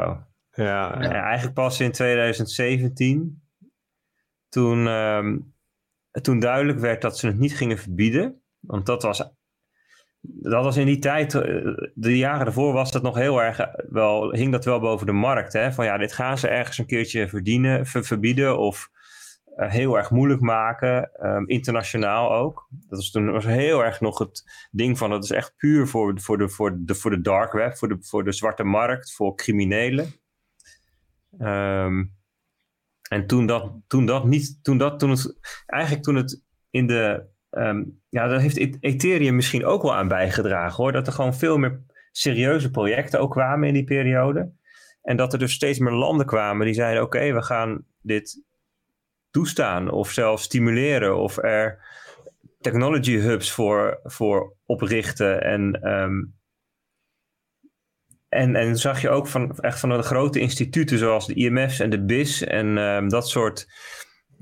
ehm, die staan zeg maar nog boven de landen, boven de instituten. Die, ja, die eigenlijk het bestaan van Bitcoin soort van bevestigde en daarmee ook legitimeerde. Toen dacht ik, oké, dat is wel echt een serieuze, ehm, serieus verschil. Hiermee wordt het, uh, hiermee neigt het eerder naar dat het gereguleerd gaat worden. Nou ja, dan zien we nu natuurlijk de uitwassen van in die AML D5. maar dat, eh, ten opzichte van verboden worden. En dat was wel een moment dat ik weer echt wel meer interesse kreeg. Meer uh, geïnteresseerd raakte. Hey, en als we het nou toch over de prijs hebben en wanneer we, hoe we erin zitten en hoe het ervoor staat. Want volgens mij heb jij uh, weer eens de oude sok van de, van de muur afgetrokken. Of onder het bed vandaan. Ik weet niet waar je hem onder geplakt had, maar uh, volgens mij... Uh... ik wil het niet weten. nee, precies. Die, die lopen hier zelf door mijn appartement heen, die dingen. ja, je hebt hem gegrepen in ieder geval. Je hebt hem te pakken. Ja, holy moly. Ik heb even gekeken. Dus hier zijn we natuurlijk echt een lange tijd geleden actief mee begonnen. Toen hebben we gezegd, weet je, we leggen die sok echt even weg, want het wordt echt te gek. Dus dan hebben we in de eerste keer op 9 augustus 2018 hebben we dat gedaan. En toen hebben we 1000 euro in verschillende asset classes gelegd. Dus een stukje bitcoin, top 10 van de destijds. We hebben toen op de spaarrekening wat gezet, AX en een stukje goud. Of gram goud, grammetje goud. En um, ik denk, nou ja, laten we toch weer eens even afstoffen. Het is nu een prachtig moment, dus uh, 7 ja. mei 2020. Bijna twee jaar Met, later, hè? Bijna, bijna twee jaar later. Dus het is wel, uh, ja, die koers gaat zo hard, daar kun je niet tegen, tegenop blijven editen. Dus uh, vooral met de bitcoin zal nu een stukje hoger zijn. Maar ten tijde, net voor de show, toen we begonnen, heb ik het even gedaan. En uh, nou ja, dan ben ik wel benieuwd, Bart, welke denk jij dat degene is die de outperformer is? Ja, weet je, ik zit, ik zit ernaar te kijken, Wijnand. Ja, dan, dan, dan, dan, is, dan, ga ik het ook maar zelf zeggen. Hè? Ja. ja, als jij stiekem naar zit te kijken... Ja, stiekem, het is het script. ja, maar daar kijk jij nooit in. Ja, nou is het mooi. Vertel het nee, maar, maar zeg ik ga het vertellen. Hè. Dus uh, we stopten 1000 euro in bitcoin. Dat is nu rond de 1600 uh, waard. Uh, dus daarmee 60% winst. Dat is best wel aantrekkelijk. Maar dan kijk je naar de grootste daler. Is dat toch de top 10 cryptocurrencies van ja. CoinMarketCap destijds. Dan ga je toch voor min 30% ja, de boot in. Nou, de spaarrekening sla ik even over. Dat is natuurlijk uh, ja, met die spaarstanden van spaarinterest, rentes van nu verwaarloosbaar. We zouden de inflatie ervan af moeten trekken, dan kom je op een min uit. Dan sta je op de min. Ja. Nou, dezelfde min sta je op de AEX-index, de AEX-index, want daar staan we ook min 10%, dus ja. rond de 900 euro. Ja, en de tweede outperformance is natuurlijk dan goud, hè? Ongeveer 1500 euro. Ja. Dus toch ook een rendement van 50%. Ja, dat is, uh, is niet gek eigenlijk. Dus op het totaalportfolio van uh, 5000 euro hebben wij nu nog steeds uh, 5600 euro in onze knip. Ja, dus dat is, is wel leuk. Maar ik denk dat je het ziet dat, dat bitcoin, het digitale goud en goud, het, het goud zoals we dat allemaal kennen, ja. toch beide, nou ja, omhoog gaan en niet super ver van elkaar afzitten als je ja. naar kijkt. En weet je wat het grappige is? Uh, dat uh, ik, ik, las vandaag ergens op Twitter in een of andere, een, een of andere cartoon uh, dat dat grootste vijand van een, van een statistici is, is het gemiddelde. En dat is hier ook wel grappig, hè? want je ziet hier natuurlijk, als je nu naar kijkt, dat je prachtig rendement, 60% in twee jaar, weet je, dat, dat, daar doe je het voor. Maar als je kijkt, joh, we zijn met die 1000 euro met bitcoin, zijn we naar 500 gegaan of 400. Toen daarna naar 2000 zo ongeveer. Toen daarna weer, weer, weer terug natuurlijk laatst met naar, naar, naar 3600. Dus toen zaten we ook weer op de helft uh, zo ongeveer van onze inleg. En nu binnen twee maanden weer op, op 1600. Dus het is natuurlijk een knotsgekke uh, rit geweest. Ja, als je nu kijkt, dus net, op het moment dat we dit dus net voor de show maakten, zitten dus tussen bitcoin en goud maar 40 euro. Hè? Dat is ook best wel bizar. Ja, dus nee, dat, gaat natuurlijk ook goed, ja. Maar dat dat zo close uh, omhoog gaat, hè? dus uh, ja, 50% goud en 6% bitcoin. Ik weet niet, wat, volgens mij zeg ik net, uh, nee, wel goed. Ja, dat is bizar. Ik had niet verwacht dat dat zo gelijk op zou gaan. Nee, nou ja, dat ga je nog om te zien. Ja, we houden hem, we houden hem staan voor, voor aflevering 200. Kijken waar we daar... ik leg ze weer dan... onder het bed, denk ik. Ja, plak ze maar onder het bed, inderdaad. Dat, Stuur ze maar terug, ze lopen zelf, toch? ja, precies. Zijn jullie verbaasd, uh, gebroeder Slachter? Of is dit uh, dat het zo close is eigenlijk uh, tussen deze twee asset classes? Ja, nee, nee niet, niet echt. Maar dat komt meer omdat we de afgelopen maanden, jaren natuurlijk op de voet gevolgd hebben. Ja, oké. Okay, dus het is, ja. het, is, het is geen verrassing, maar ja, kijk, iedere dag dat Bitcoin overleeft, is er weer eentje waarin die sterker is geworden. Hè? Dus we zitten wel op een uh, het wordt steeds minder, um, minder, een minder grote verrassing dat het er is en dat het het goed doet. Of dat het, dat het, dat het uh, meer solide wordt, zeg maar.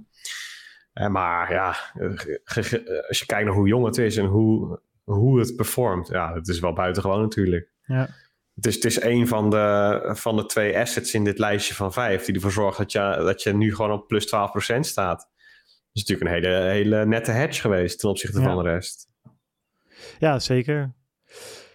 Ja, dus dat, eh, dat was de oude sok. Hey Bert, we krijgen ook vragen door. Want dit was natuurlijk het eh, vragen van de luisteraarstukje. Eh hou je nog een beetje vol daar trouwens, joh? Volgens mij wordt er echt roofbouw op jou gepleegd met, met, al- met al die interviews. Of, of zit je diep in gedachten verzonken? Ja, dat is wel, dat is wel druk, ja. Ja, want Dat is druk. dat misschien nog wel leuk om even een paar minuutjes eh, eh, eh, te behandelen. Hoe, hoe is dat nou? Die, die hele ja, die, die tv-shows en die radioshows, zeg maar. Wat zijn nou de dingen die jou daar het meest opgevallen zijn, zeg maar? Die je voor, als je gewoon kijkt, zeg maar, naar de aflevering misschien helemaal niet ziet. Je, je zei al dat er iemand daar eh, staat te roepen hoe de uitzending moet verlopen Ja. en dat soort dingen. Maar zijn er Ja. nog andere dingen die je eigenlijk als kijker helemaal niet door hebt? Nou, het is sowieso natuurlijk een gekke tijd nu, omdat ze daar ook allemaal corona-roosters hebben en zo, hè, of corona-maatregelen. Dus ehm, bijvoorbeeld ehm, de, de, de talkshows, die zijn nu zonder publiek. En eh, er is eh, geen achteraf, normaal hebben ze achteraf helemaal een borrel en weet ik wat allemaal. En dat is, dat is allemaal niet. Dus het is, het is wat ehm, leger en klinischer dan normaal. Ik bedoel, ik ben nu ook een paar keer bij Radio 1 geweest. En dan, ehm, ja, het gebouw is gewoon best wel verlaten eigenlijk. En ook heel veel dingen waar je gewoon inbelt in plaats van Ja. eh, naartoe gaat. Omdat ze dan eh, niet meer in de studio werken. BNR bijvoorbeeld doen ze bijna niks meer in de studio. Dus ehm, het is ook wel, ik, ik denk niet dat het heel representatief is wat ik nu zie en meemaak voor hoe het normaal is. Ehm, maar wat wel opvalt is dat het echt onwijs professioneel is allemaal. Dat is natuurlijk niet zo gek, want ze moeten gewoon... Ik bedoel, hoeveel zenders zijn we in Nederland? Een stuk of eh 15 of zo. Moeten gewoon... Elke dag worden gewoon honderden uren aan, aan, aan, aan content geproduceerd. En ook allemaal gewoon snel, hoog kwaliteit beeld en geluid en flitsend. En dat is, eh, Ja. ja. dus dat, dat is gewoon een hele professionele wereld. Ik bedoel, zo'n zo'n zo'n opname van, van zo'n talkshow. Ja, daar, daar, daar zijn gewoon 30 man of zo aan het werk daaromheen. Als het niet meer is. Ja. Ja, ik, eh, ik vind het nog steeds ongelooflijk om te zien. Ik, eh, voor mij is het een beetje... Ik weet nog dat we twee maanden geleden of zo... toen, toen, toen had je net die eerste trits aan Twitter uitgestuurd. Toen hadden we die podcast daarna. Eh, toen, hebben we het, eh, toen hebben we het over gehad. En eh, dat, het, dat het zo snel aanslaat is wel gaaf om, om te zien. Maar maar en, en wat vind je van de, van, van de reacties? Hoe ga je daar eigenlijk mee om? Want er wordt natuurlijk enorm veel op gereageerd en geretweet. En, en, en hoe is dat nou Ja. eigenlijk? Ja, nou ja, dat, daar ben ik ook nog niet helemaal over uit. Kijk, wat, wat, wat ik en wat Peter en ik eigenlijk allebei heel erg leuk vinden, is complexe onderwerpen begrijpelijk maken. Dat is eigenlijk waar we, waar we wel goed in zijn en ook heel blij van worden, als dat lukt. Dat is wat lekker cryptisch is. Dat is ook wat we hier in de show doen. Ehm, en dat is, wat ik, dat is wat ik leuk vond om te doen op Twitter. Om gewoon heel ingewikkelde vraagstukken rondom hè, bijvoorbeeld rond- rondom corona zijn natuurlijk ontzettend veel eh, mo- moeilijke, moeilijke onderwerpen. En kijk, zolang zolang, dat, zolang het over die inhoud gaat, vind ik het eigenlijk allemaal prima. Vind ik het allemaal wel leuk. Maar ik heb eigenlijk helemaal geen behoefte aan dat het over mij als persoon gaat. Want Nee. ik zit helemaal niet te wachten om een, om een BN of een personality, tv-personality. Helemaal niet. Dus, en dat, dus als het reacties zijn op de inhoud, dan vind ik het echt wel prima. En dan neem ik ook de tijd om het allemaal eh, te beantwoorden. Maar je merkt nu dat er dus ook allemaal mensen reacties gaan geven op de persoon. Ja, weet je, eh, dan staat er in LinkedIn iets wat niet klopt of wat niet meer klopt of zo. Ja, dat hou ik allemaal niet bij, joh. Ja. Maar daar krijg je dan complete rellen over. En ja, ja zeg, eh, word je aangekondigd als wiskundige. Ja, maar ben je dan wel afgestudeerd in de wiskunde? Ja, Ja. nee, nee, ik bedrijf gewoon wiskunde. Ja. Dat is wat ik doe. Dit is wiskunde waar we het over hebben. Maar ja, dan krijg je complete rellen over. Dan ben je ineens niet transparant en weet ik wat allemaal. Ja. denk je, ja, weet je, pff, eh, laat maar. Eh, I don't, pff, ik, doe het, niet- ik doe het niet voor mij, weet je. Nee. Eh, ik, heb, ik heb wel betere dingen te doen, zal ik maar zeggen. Ja. Dus, dat, dus dat, dat is wel een beetje het punt, denk ik, waar we op komen. En dan, eh, dan vraag ik me af of ik daar zin in heb. Ja, ik kan me voorstellen. Nou, neem goed je, goed je rust. We zullen je ontzien in deze uitzending. Ja, ja. eh, Bert, voor ons ben je gewoon Bertje Geo. Zo En, is het. eh, weet je, daar, daar, kan, daar kan niemand aan twijfelen, toch? Ik bedoel, die Geo Nee. die heb je vanaf het begin gewoon meegehad. Precies. Weet je, daar heb je geen studie voor nodig. En eh, de lijntjes, ja, die, geven, die laten het gewoon zien. Er kan niemand met een Geo omgaan zoals jij. Nee, en je, strakker worden ze niet. Nee, strakker worden ze niet. Zo is het. Hey, ik zie onze volgende gast, die is aangeschoven. Christian Jimming van Bitcoin Meester. Leuk dat je er bent, man. Dankjewel. Goed om er weer te zijn. Ja, precies. Lekker. Hey, ehm, eens even kijken, man. Eh, we hebben een paar dingen op de, op de lijst staan. Wat we leuk vonden, of leuk, eh, het is natuurlijk best een serieus onderwerp, maar we hebben net met, eh, met, met Willem, Willem-Jan even over die nieuwe wetgeving en zo gehad. En Ja. dat was vooral vanuit de theorie en dat hebben we ook met ehm, eh, Simon natuurlijk een keer besproken. Maar jullie hebben er direct mee te maken, dus... Ja, wij vroegen ons af, hoe is dat nu eh, voor jullie? Is er al een beetje duidelijkheid? Hoe kijkt eh, Bitcoin Meester daar tegenaan? Ehm, ja, het is, het is lastig om allemaal nog te zeggen, omdat nog niet alles duidelijk is. Eh, wij hebben ons wel al direct aangemeld wanneer het kon. Wij zijn ook alles gereed aan het maken. Maar ja, we zien om ons heen ook vrij veel onzekerheid, chaos, kleinere partijen die de stekker eruit trekken. Nou ja, gisteren nog het vervelende nieuws van Bitkassa natuurlijk. Ja. Eh, dus ja, het is allemaal spannend. Maar eh, vooralsnog zijn wij, eh, zijn wij er helemaal klaar voor. Ja. Want ik zag dat jullie ook een, op, de, op de website een blog hadden geschreven. Hè, wat laat zien waar je allemaal Ja. aan moet voldoen. Ja. ja, en dat is denk ik ook voor mensen. Ja, het is best wel eh, overzichtelijk ook. En het komt daar ook best wel binnen van ja, het is niet niets. Nee, het is ook niet niets. eh, maar wij, ik moet wel zeggen, wij waren al vrij ver met heel veel dingen. Omdat we dit eigenlijk wel al zagen aankomen. eh, zoals de meeste. Eh, dus voor ons zijn het nog enkele punten die we moeten realiseren. Eh, maar ook wat je zegt met de blog die we geschreven hebben. We willen onze, onze klanten ook gewoon zo goed mogelijk en zo dichtbij mogelijk informeren. En hoe wij er ook voor staan. En ook voor hun. We merkten gelijk dat we heel veel vragen kregen. Dus dan is dit wel de manier, denk ik. Ja. Wat, zie- wat zie je ook kans om dit met de sector eh, op te pakken? Je, het is natuurlijk eh, de, de, het is de vereniging van Bitcoin. eh VBNL. VBNL. Zie, zie je ook dat dit soort zaken daar ter tafel komen? Of kun je daar iets over zeggen? Of is dat allemaal wat lastiger? Eh, wij zijn als een van de weinige partijen nog niet aangesloten bij de VBNL. Ehm, overigens wil dat niet zeggen dat wij geen contact hebben eh, met de meeste partijen. Want dat hebben we wel. Eh, dingen die echt ter discussie gesteld moeten worden, doen we ook en dat doen we samen. Ehm, maar het komt daar sowieso ter sprake, want er zijn ook een aantal brieven uitgegaan eh, richting de regering vanuit hun. Ja. En dat is ook vrij logisch, hè? want daar zat dus bijvoorbeeld ook een bitkassa bij, eh, die nu dus wel de stekker eruit heeft moeten trekken.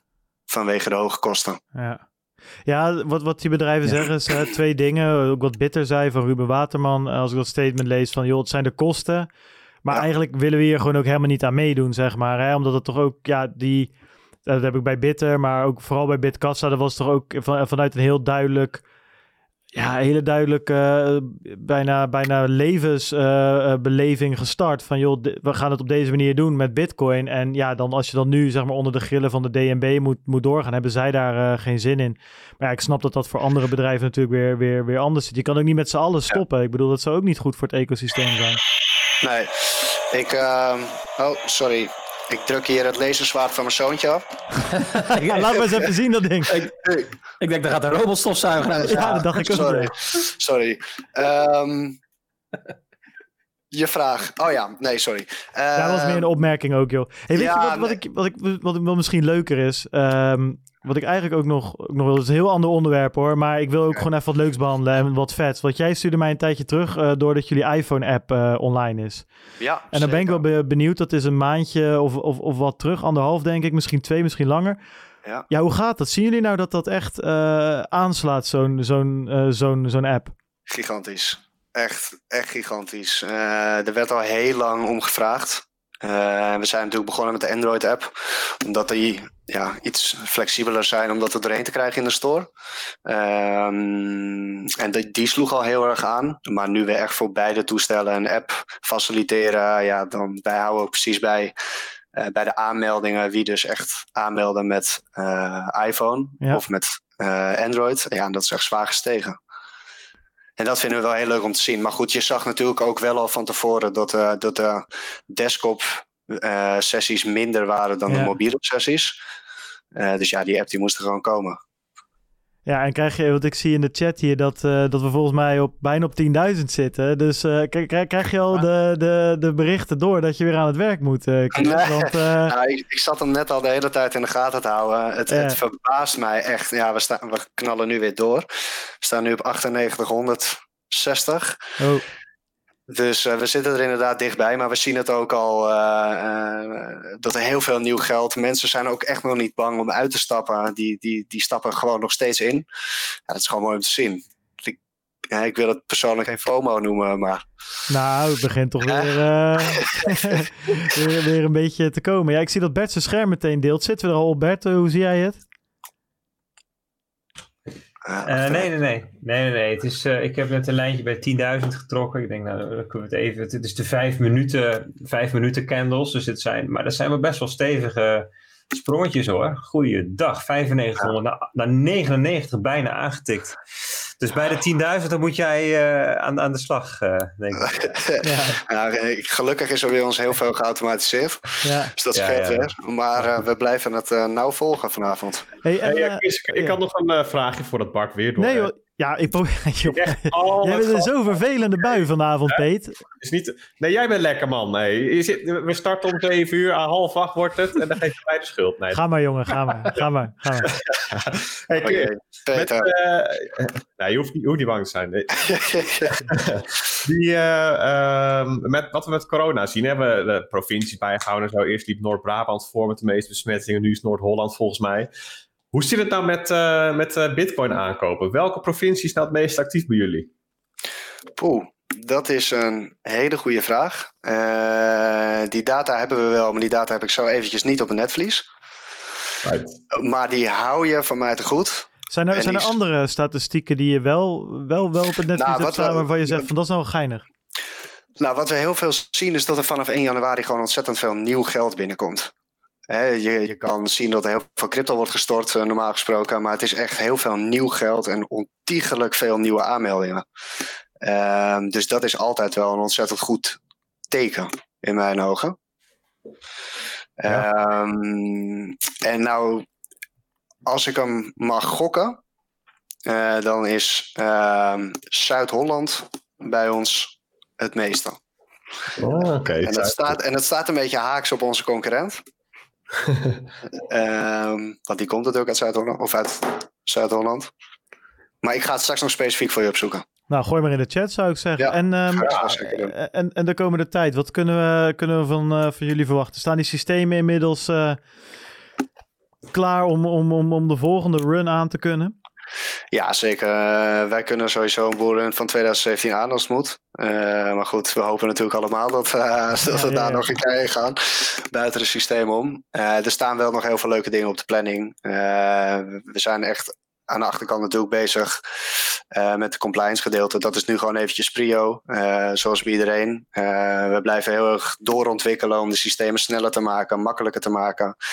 meer muntjes toe te voegen. We hebben een bepaald concept eh, wat nou ja, met twee maanden denk ik ongeveer live gaat. Eh, dat is een concept wat nog niet vertoond is in Nederland. eh, zelfs niet in Europa bij een platform.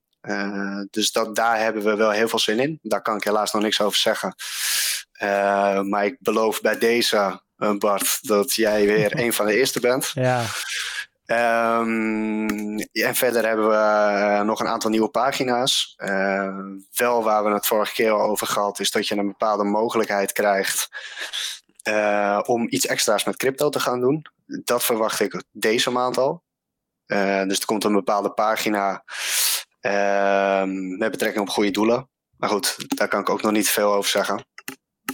Maar dat, daar zijn we ook mee bezig. Je ziet het nu met, eh met Rode Kruis bijvoorbeeld. Ehm, die accepteert nu ook Bitcoin in donaties. En dat willen wij wat verder uitbreiden in samenwerking met partners. Eh, dus dat eh, laten we hopen dat het met twee, drie weken live gaat. ja. Ja, vet. Dat vind ik sowieso tof, weet je. De afgelopen, afgelopen jaar eh, toch wel vaak heb je dingen doorgestuurd. Veel Bart, kan je dit even mag ik dit delen in de channel of whatever. En dat waren 9 van de 10 keer, uh, of eigenlijk 10 van de 10 keer goede doelen. Ja. Nou, 9 van de 10 ja. keer. We hebben één keer de iPhone-app gedaan. De rest was het ja. allemaal sponsor lopen en, en, en, en noem het maar op. Dus dat is, dat, dat is wel heel vet dat jullie daar zoveel mee bezig zijn. En uh, alleen maar complimenten daarvoor, denk ik. Ja, wij, wij, wij willen ook het oogpunt was dat Bitcoin en de hele cryptocurrency staat vaak heel negatief in het nieuws. En wij wilden daar echt tegengeluid aan geven. Nou ja, goed, Run for Kika hebben we gedaan, Stichting Opkikken hebben we gesponsord. Uh, we zijn vandaag toevallig zijn we met uh, een vriend van mij, die heeft zijn eigen cateringbedrijf met zijn vader. En die uh, doneren één keer in de twee weken 150 maaltijden aan Evian. Aan het zorgpersoneel. En daar heb je dus één keer in de twee weken een andere sponsor. Uh, en wij hebben die vandaag gesponsord en die hebben we ook persoonlijk afgeleverd. Dus dat is wel heel cool om ook iets te doen voor de mensen die uh, ja, in de zorg werken. Ja. Om ook gewoon onze, onze waardering te tonen op deze manier. Ja, nee, heel tof. Ik denk, uh, ja, ga gewoon op de website van Bitcoin Meester checken. En um, ja, ik denk namens ons, Chris, willen we ja, jou en, en de rest van Bitcoin Meester van harte bedanken. ja, voor de, ja, voor het afgelopen jaar, denk ik. En je bent uh, altijd van harte welkom bij ons uh, in de studio. Weet ik, weet ik. Dat is andersom ook zo. Ik ben blij dat ik weer mocht aanschuiven, want dat vind ik altijd ontzettend tof. En op naar de volgende aflevering. Yes man, thanks. Yes, succes jongens goed. vanavond. Later. Yo, doei, doei. Hoi hoi. Even kijken hoor jongens, ja man. nou, het gaat nu, nu gaat het goed toch? even ja. de, de, de flow zit er goed in zo op deze manier toch jongens, of niet? Ja, gaan we nu uh, de volgende gast uh, meteen door met kwart voor acht of niet? Ja, ja dat klopt. Ja, ja, Balder, uh, als het goed is, zou klaar moeten zitten. Balder zit ergens op, op een heide of iets dergelijks. Met een kleine versnapering, zie ik. Dus we zitten er klaar voor. Even kijken hoor. Nou, die, die komt vanzelf wel online. Dat, dat komt wel goed. ja, in, in, in de chat is iedereen helemaal hotel de boter over de prijs. Gaat omhoog, gaat omlaag. Uh, dus, uh, we gaan naar links. Ja, precies. We gaan naar links, we gaan naar rechts. Ja, ja. Zijn we flink aan het Zijn we die bodem... Oh jee. Zijn we die bodem aan het aanstampen of hoe zit dat? Nou, dat mag ik hopen dat we dat nog even doen en daarna door die 10k heen. Hé, hey, er komt iemand bij. Eens even kijken. Kijk eens. Ja, zie jij zit echt buiten. Ja hoor, daar is hij. Tuurlijk.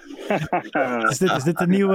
Gaan we het over Maven 11 hebben of over het boerenleven, Balde? Gaan het zeker... Is het zeker boer zoekt vrouw of waar kijk ik naar? ja. wat, wat, zeg wat jong? Wat zeg jij, jong? We gaan het zeker niet over Maven 11 hebben. Die is toch schitterend? Wie er kijken, joh. Ja, waar, waar hang je uit? Ja, Kamperduin heet dat. Dat is Schorrel.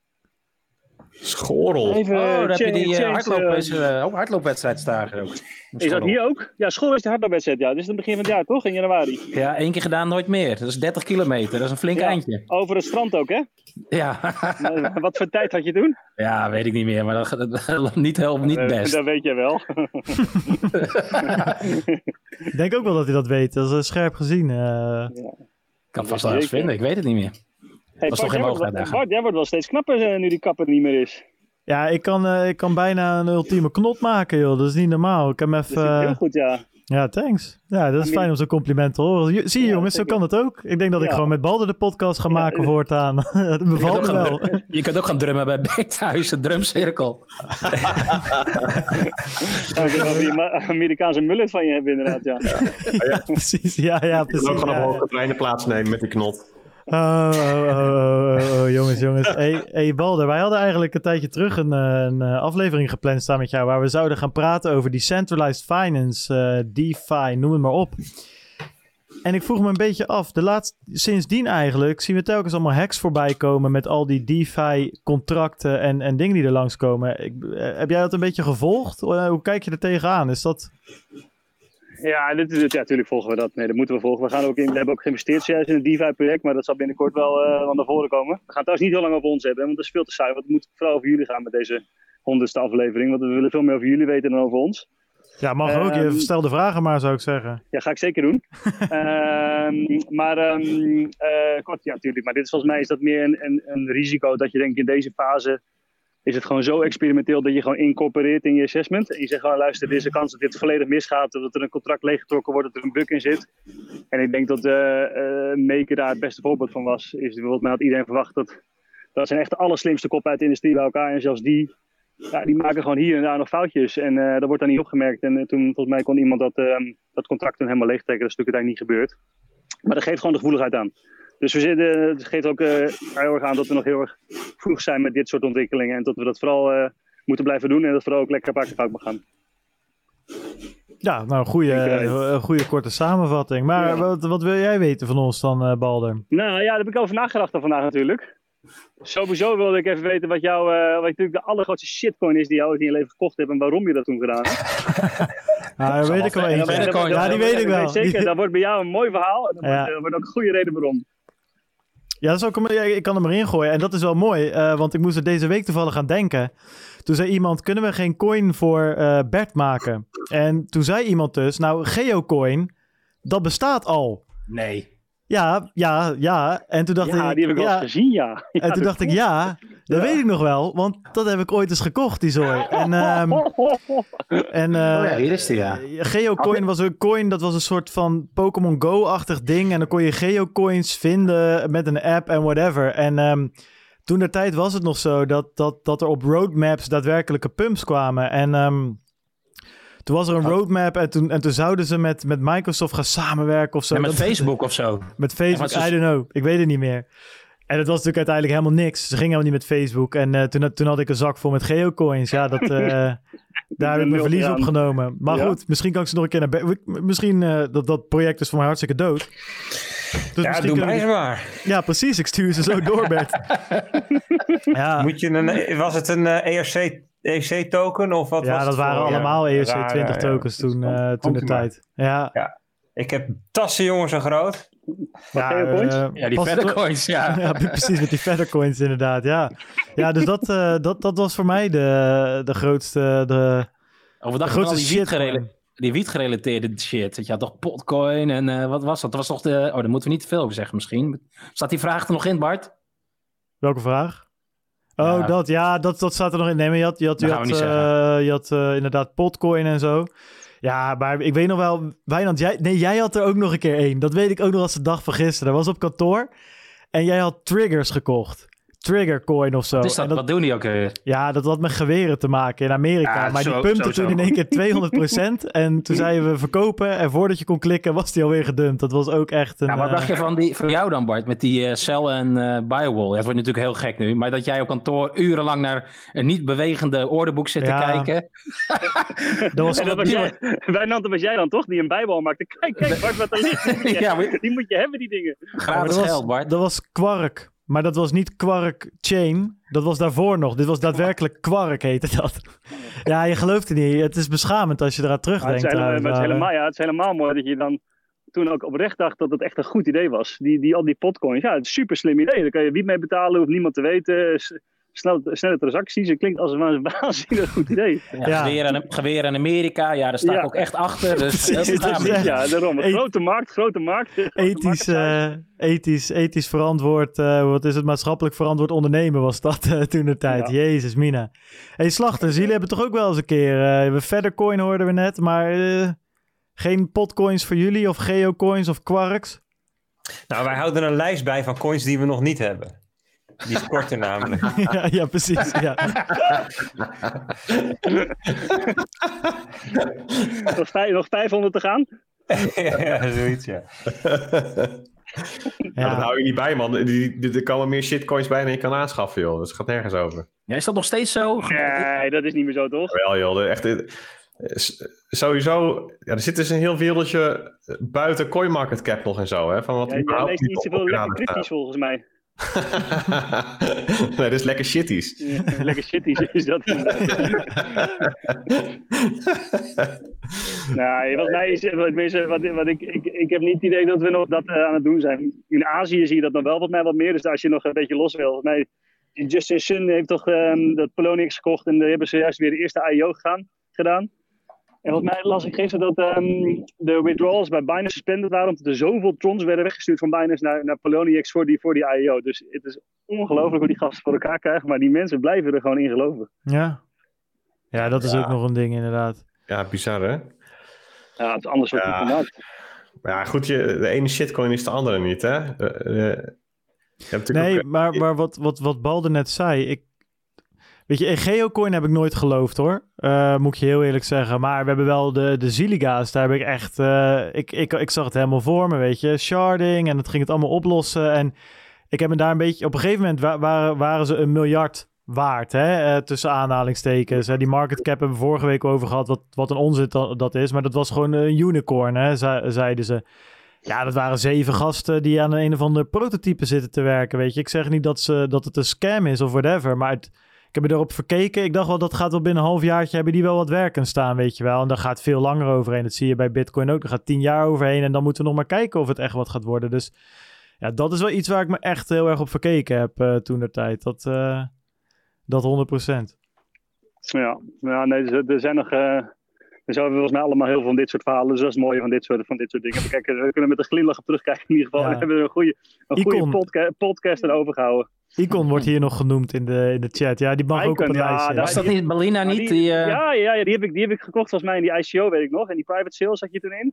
En dat ging toen volgens mij van 10 cent. Dat opende, nee, dat kocht je op 12 cent. Het opende toen 80 cent. Nou, daar kocht hij nog een bak van die dingen bij, want dat moest toch echt veel en veel hoger. Dat ging toen naar 12 dollar. Ja, Dat heb ik, dat heb ik volledig vastgehouden naar 12 dollar. En dan heb ik het terug zien gaan naar 12 cent. ja, ja. Dat vind ik toch wel knap. Is, is, is keer 100 gaan en daarna min 99,5. Ik weet er nog, nog, nog wel... Je kan me wel holder noemen in ieder geval. Ja, ja, dat, dat, believer, ja, echt. dat is een strong hands, everybody. Dat is toch een beetje... ik, weet er, ik weet er nog één, dat was ook een speciale. Ik, ehm, dat was nog in de tijd van Ether Delta ook en zo, weet je. Dat je je coins kon verhandelen zonder dat ze überhaupt gelist waren. En je had toen Coinfido, nee, Confido heette dat. Och ja. En dat scheen een of ander Nederlands project te zijn. Die hebben toen geld opgehaald. En die, die zooi ging echt, nou, dat op, op Ether Delta, dat ging keer 10, keer 20, keer 30 in een half uur of zo. En toen kwam op een gegeven moment het bericht naar buiten van die moderator in die Telegram-chat. Die zei, ja, ik weet niet waar die, waar die gasten zijn, die bazen. Maar volgens mij zijn ze weg, want ik krijg mijn geld niet. Die waren gewoon weg. En toen is het helemaal in elkaar gedonderd, die koers. En daarna is dat via een Nederlandse advocaat. Volgens mij loopt het nog steeds dat dat allemaal gesetteld wordt. Maar dat was ook een vreemd verhaal hoor, toen de tijd. Zo- Zo'n mooie industrie, bizarre Ja. industrie. Als je even nadenkt hoeveel geld hier verloren, gestolen is aan de lopende. Dat is natuurlijk totaal van de gekte. Ja, het is ook gecreëerd vanuit het niets, zeg maar. Dus het is een beetje...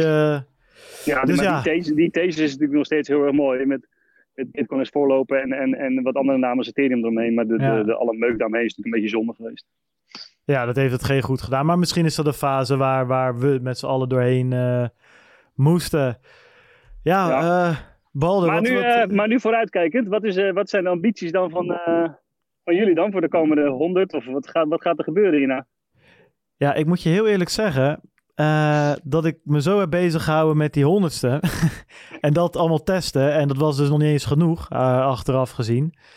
Ehm, ja, dat ik niet precies weet. Ja, moeten we over nadenken. We gaan eh, door. En ja, weet je niet, En elke de week... doelstelling is gewoon het- hetzelfde, steeds meer lol maken en hopelijk iets meer kijkers erbij elke week.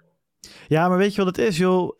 Meer kijkers, dat is nooit ons doel geweest. En het grappige is dat daardoor eigenlijk we gewoon een hele eh, dedicated eh, ja, groep luisteraars hebben, weet je. Die er altijd is geweest in de chat, in de Telegram, op Twitter, noem het maar op. Die zich altijd laten horen. En ja, weet je, we, hebben, we zijn nooit echt van de pumping en dumping eh, geweest van de podcast. Dus ja, dat, groei, dat is gewoon blijven groeien. En ik denk als de focus daar niet op ligt, dat het gewoon lekker blijft groeien. We proberen altijd gewoon goede content te maken en dat, dat blijven we doen. Dat is het idee in dat- ieder geval.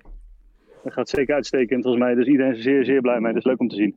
Ja, nou ja, er zitten 85 mensen nu te kijken. Dat had ik dus echt nooit verwacht toen we dit idee geopperd hadden een paar, eh, paar maanden terug. Ik dacht, nou, als het er zeven zijn, dan, eh, dan is het veel. Maar er hebben mensen vrijgenomen om te kijken. Nou, al, al neemt maar één iemand vrij om te kijken naar, naar ons.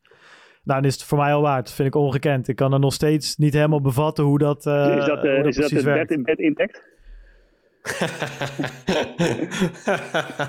Mag Ik denk dat Jinek wel zit te kijken. Dan doe, dan, Jinek. doe ik, dan doe ik jullie natuurlijk een beetje tekort. Dus dat is niet aan. Jinek zet een puntje van de stoel, 100%. Ja, ja, zeker ja. Nou, zeker. Maar weet je wat het is? Misschien is dit inderdaad ook een... Hè, ik zit een beetje te dollen met, eh, eh, met Peter en we dollen allemaal elkaar, een beetje met elkaar.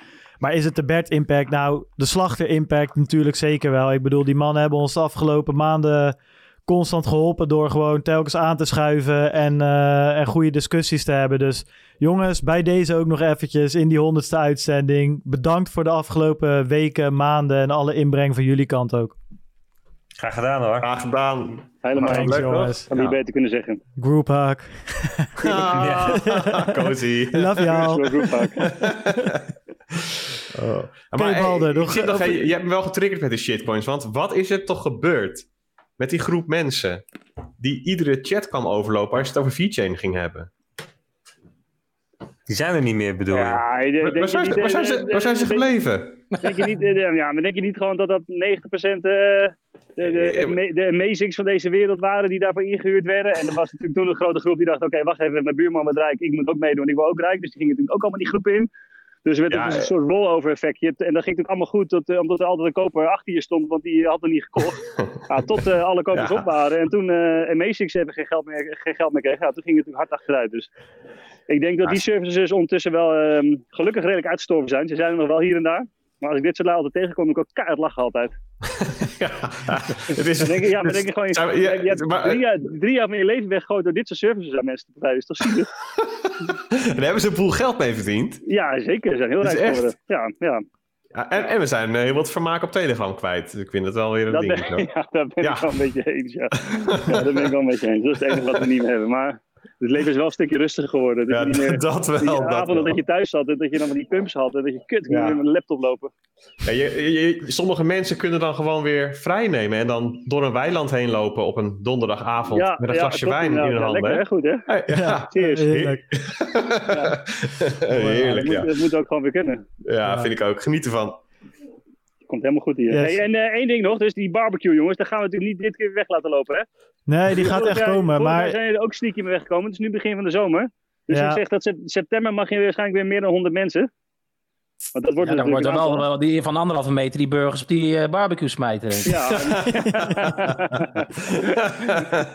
nee, gaan, we, Nee, gaan, we, gaan we regelen. Dat komt, eh, dat komt helemaal goed, denk ik. En ehm, ja, ook jij, Balder, en de rest van, eh van Maven 11 natuurlijk. Thanks voor, voor de steun het afgelopen jaar. Het is altijd eh, leuk om je in de studio te hebben. En eh, ja, we zijn er trots op dat, je het, eh, dat jullie sponsor zijn van ons. dat is helemaal wederzijds. Welkom. Vinden we echt Top. leuk om te doen en dat gaan we zeker, zeker voortzetten. Top. Thanks. Top. Goed zo. Heb een fijne avond, heren. Tot plezier. Yes, jij Hey, zit je klaar voor het, eh hey Balder, zit je klaar voor het volgende onderdeel? De wat quiz, hè? De quiz.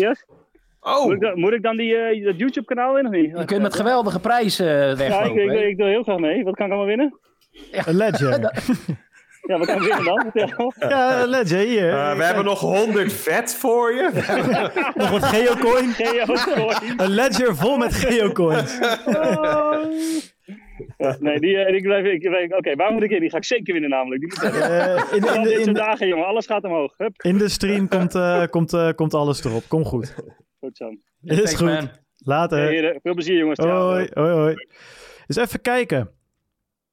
Gooi de we- discussie weer open. Even zien, we wat hebben, zien we hier? hebben alweer een beller, hè? Ja, we hebben alweer een beller. Dat zie ik nu pas. Ik ga de Kahoot even uitgooien. Hopen dat dan niet alles breekt. Ehm, weet je wat?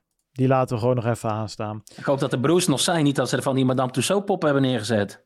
Ja, ik zie ze nu pas weer. Ik heb een half uur naar die Kahoot zitten kijken. Dus ehm, eh, ik, ik vroeg me af, zijn ze... Maar ze zijn er nog. Ja, ja. mooi zo, tuurlijk ben ik er zo. Goed zo, jongens. Goed zo. Had je veel vragen goed, eh, Peter? Ik heb geen idee. Ah, wat is dit nou? Ja, ik mocht niet meedoen. Ja, dat is waar. Ja, dat is zeker waar. Misschien hebben, voor jou hebben we altijd een paar stickers liggen, joh. Dat is geen probleem. Ah, lekker hoor. Hey, en eh, we gaan geen beeld zien eh, bij deze gast. eh, want ja, in de echte Bitcoin-sfeer, zoals dat hoort, hebben we natuurlijk ook een anonieme gast. Of in ieder geval die liever anoniem blijft. Of anoniem, anoniem, anoniem. We hebben het over Kloek Kloek. Ja, eigenlijk de man van elk Telegram-channel. Bij ons is hij geen moderator, maar ja. Eh, in alle andere chats wel, maar hij heeft ons wel geholpen met de Lightning channels, noem maar op. Eh, ja, we, we kunnen jou, je kan ons horen, kan- kunnen wij jou ja, ook horen. zeker. Kijk ja, ik, aan. ik eh, kan jullie zeker horen. Goed zo. Je had hier geen dit- muziek alleen. Ja, ik, ik hoorde natuurlijk op de livestream al het, de klachten dat, je, dat, dat, dat de mensen hier in de Jitsi, dat die de, de muziek niet hoorden. Maar dat is wel een gemis, ja. Ja, dat waren Is lekkere plaatjes. De kloek-kloek. Ja, dit is hem. Hij is wel wazig, hè, die gast, vind je niet? Dikkie wazig. Hey, gefeliciteerd gasten. 100 Jongen, afleveringen. thanks, thanks, thanks.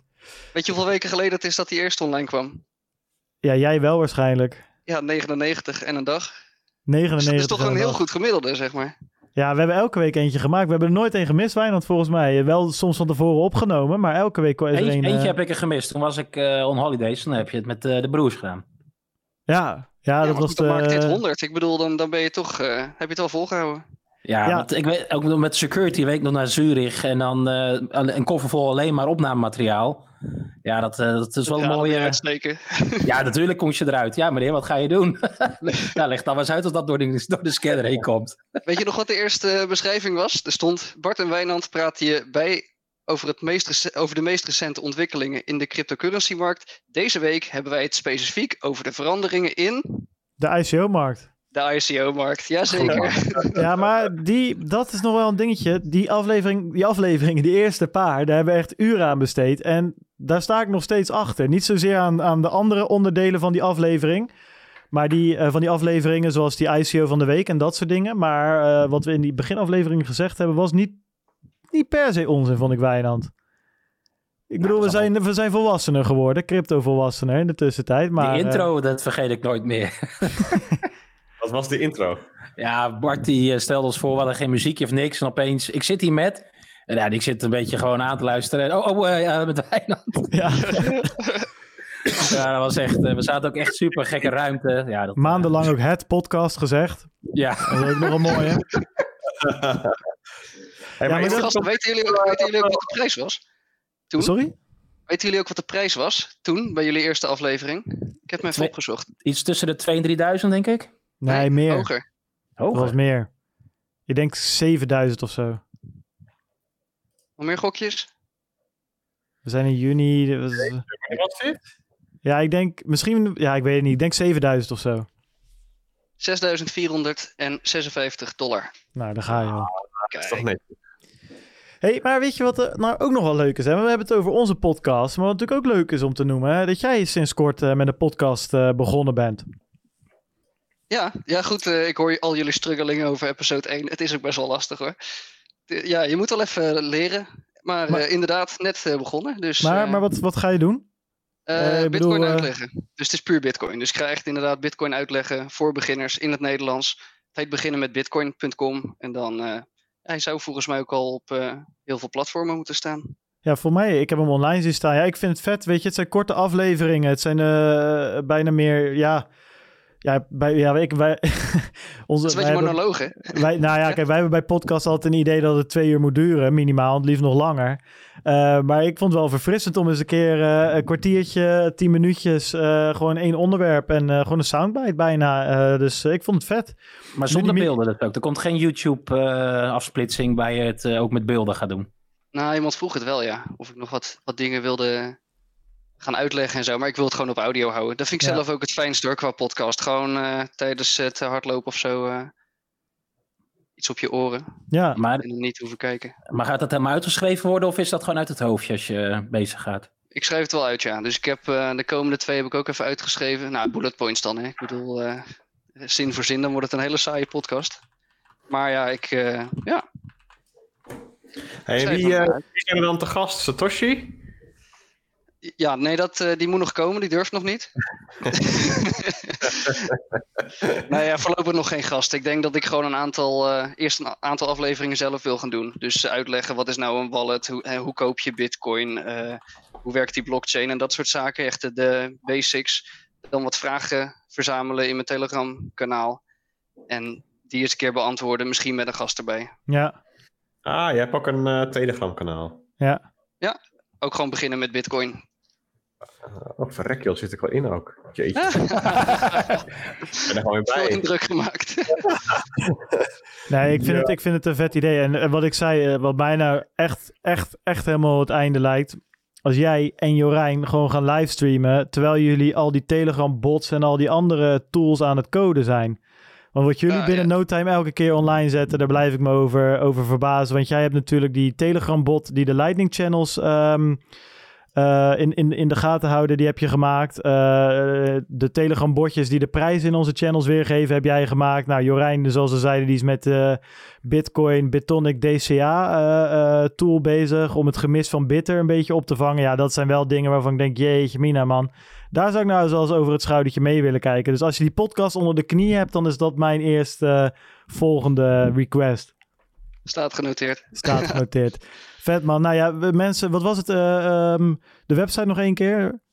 Eh, beginnen met bitcoin.com. Beginnen met bitcoin.com. Nou, mensen, ga erheen. Ga het luisteren. Zeker als je nog nou ja, eh, een beginner bent en wat, wat, eh, wat, wat nieuw bent. eh, ga, ga het luisteren. Kloekelijk bedankt, man, voor alles wat je, wat je ook in de channel eh, bij ons hebt gedaan. En sowieso wat je voor de community doet. Ik denk dat het door iedereen eh, gewaardeerd wordt. Yo, thanks. Yo! En veel plezier nog. Thanks, man. Yo. Later. Doei, doei.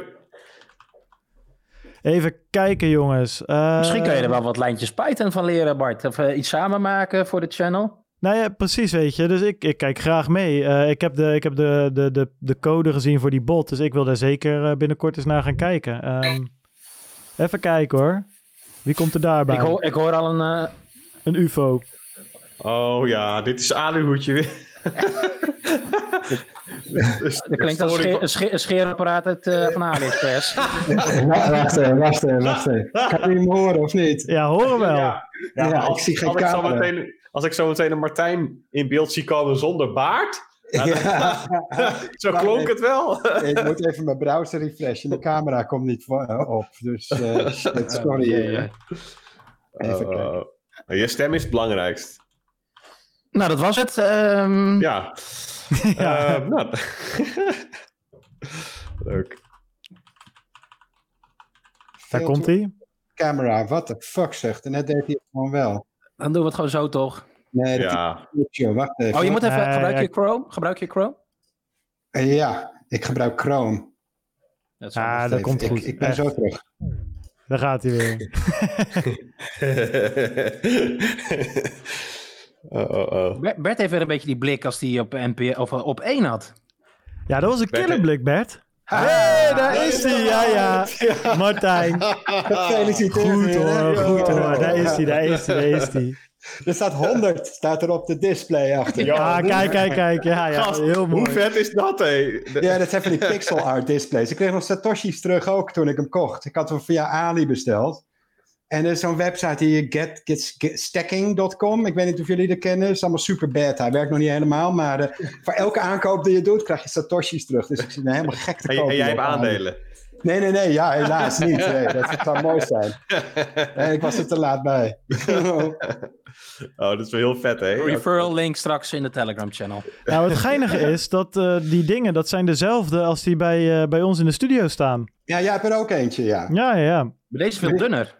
Ja, deze zijn dunner. Alleen het ding was waarom ik deze niet had genomen, is omdat die. eh, eh, ik, ik vond hem iets minder contrast hebben. Maar ze zijn wel mooier op te hangen, inderdaad. Dus ik heb heel lang zitten twijfelen. Ze zijn ook stukken goedkoper trouwens. Die van Maar- jou die is beter beeld inderdaad. En er zit een Bluetooth speaker in. Dat is bij Ja. deze ook niet zo. Dus ja, nee, maar dat, je. dat hoefde ik eigenlijk sowieso niet eens. En maar en goed, wat is dat ja. gele ding wat er staat dan? Heb je die ook Ja, is AliExpress? Bitcoin ATM. Nee, nee, nee. Van. En de Bitcoin Neon. Maar die geeft zoveel licht, joh. Als ik dat ding aan heb, dan kan ik de hele nacht doorwerken. Zonder dat ik moe word. Dat is echt, eh, echt top. ja, dus, eh, ja, dat weet je, een beetje zelf... eh, wat is het? S- eh, social distancing. Het schijnt dat ik dat dus al jaren doe, want ik werk altijd thuis. Dus ja, dan moet het wel een beetje oké zijn, toch? Waar hou je de laatste tijd allemaal een beetje mee, bezig dan? Ah, het is druk. Ja, ik weet niet hoe het bij jullie is, maar het is echt gewoon gekkenhuis. eh die, eh, hoewel in, in Nederland hebben we nu een beetje de dip in de markt, want vanwege de nieuwe AML D5 ja, is het bijna niet meer te doen om een Bitcoin het, het automatennetwerk op te zetten. Maar onze Amerikaanse klanten, die, die, die, die, dat is echt gewoon met containers tegelijk shippen we nu. Het moet wel, want eh, door die hele COVID-herrie vliegt niemand meer naar Amerika. Dus overnight gingen die, die prijzen in één keer verdubbelen van eh, shipping. Dat is een groot probleem als je, als je, als je gratis shipping levert. Dus wat we nu doen is, eh, ehm, eh, is, we hebben eh, containers gewoon en we zetten een hele container vol met ATM's. En dan gaan het per klant eigenlijk, krijgen ze een container vol met ATM's. Dus het is zo vreselijk druk geweest. Dat eh, ja, en ja, ik werkte al thuis, maar het was een beetje moeilijk met het, met, met het werk, omdat veel van mijn collega's die zijn niet zo gewend aan thuiswerken. Dus dan werken ze thuis, maar dan zie ik de hele dag alleen maar Facebook-posts en die support tickets die opstapelen. Dan denk ik van, what the fuck zeg. Daarvoor betalen we jullie niet, jongens. ja, ja. Work. maar wat verklaart dan die enorme boom van Amerika? Is dat... eh, wat, Nou denk ja, je? ik, ik denk elke keer dat eh, Trump een eh, speech doet op televisie die denkt van vanavond gaan we bleekwater drinken. Dan denkt iedereen, what the fuck, ik koop bitcoins. ja, ja. Of, ja, wat was het laatste? ja, het is allemaal weer, iedereen krijgt 1200 dollar. En vervolgens nou, pak, je, pak je 1200 dollar en ren naar de bitcoin-automaat natuurlijk. Dus dat is wat, eh, wat is echt een spike. Dus het is, eh, ja, ik denk dat mensen paniek, het is natuurlijk heel triest, maar ik denk dat mensen gewoon in paniek zijn en denken van ja, eh, way out. Nou, koop maar bitcoin dus. Hey Martijn, hoe eh, wordt General Bytes nog geraakt door die nieuwe uh, AMLD5 richtlijn in Nederland? Ja, onze klanten wel. Onze klanten wel enorm. Dus uh, het, veel van onze klanten die, die hebben een klein netwerk van een paar automaten. En die moeten in één keer nu een soort van protection money aan de DNB gaan betalen. Wat ik zelf echt werkelijk absurd vind in verhouding tot wat voor omzet ze draaien. Dus Ja, het is eigenlijk ja. alleen nog maar mogelijk om, om dat te doen als je een heel groot netwerk hebt.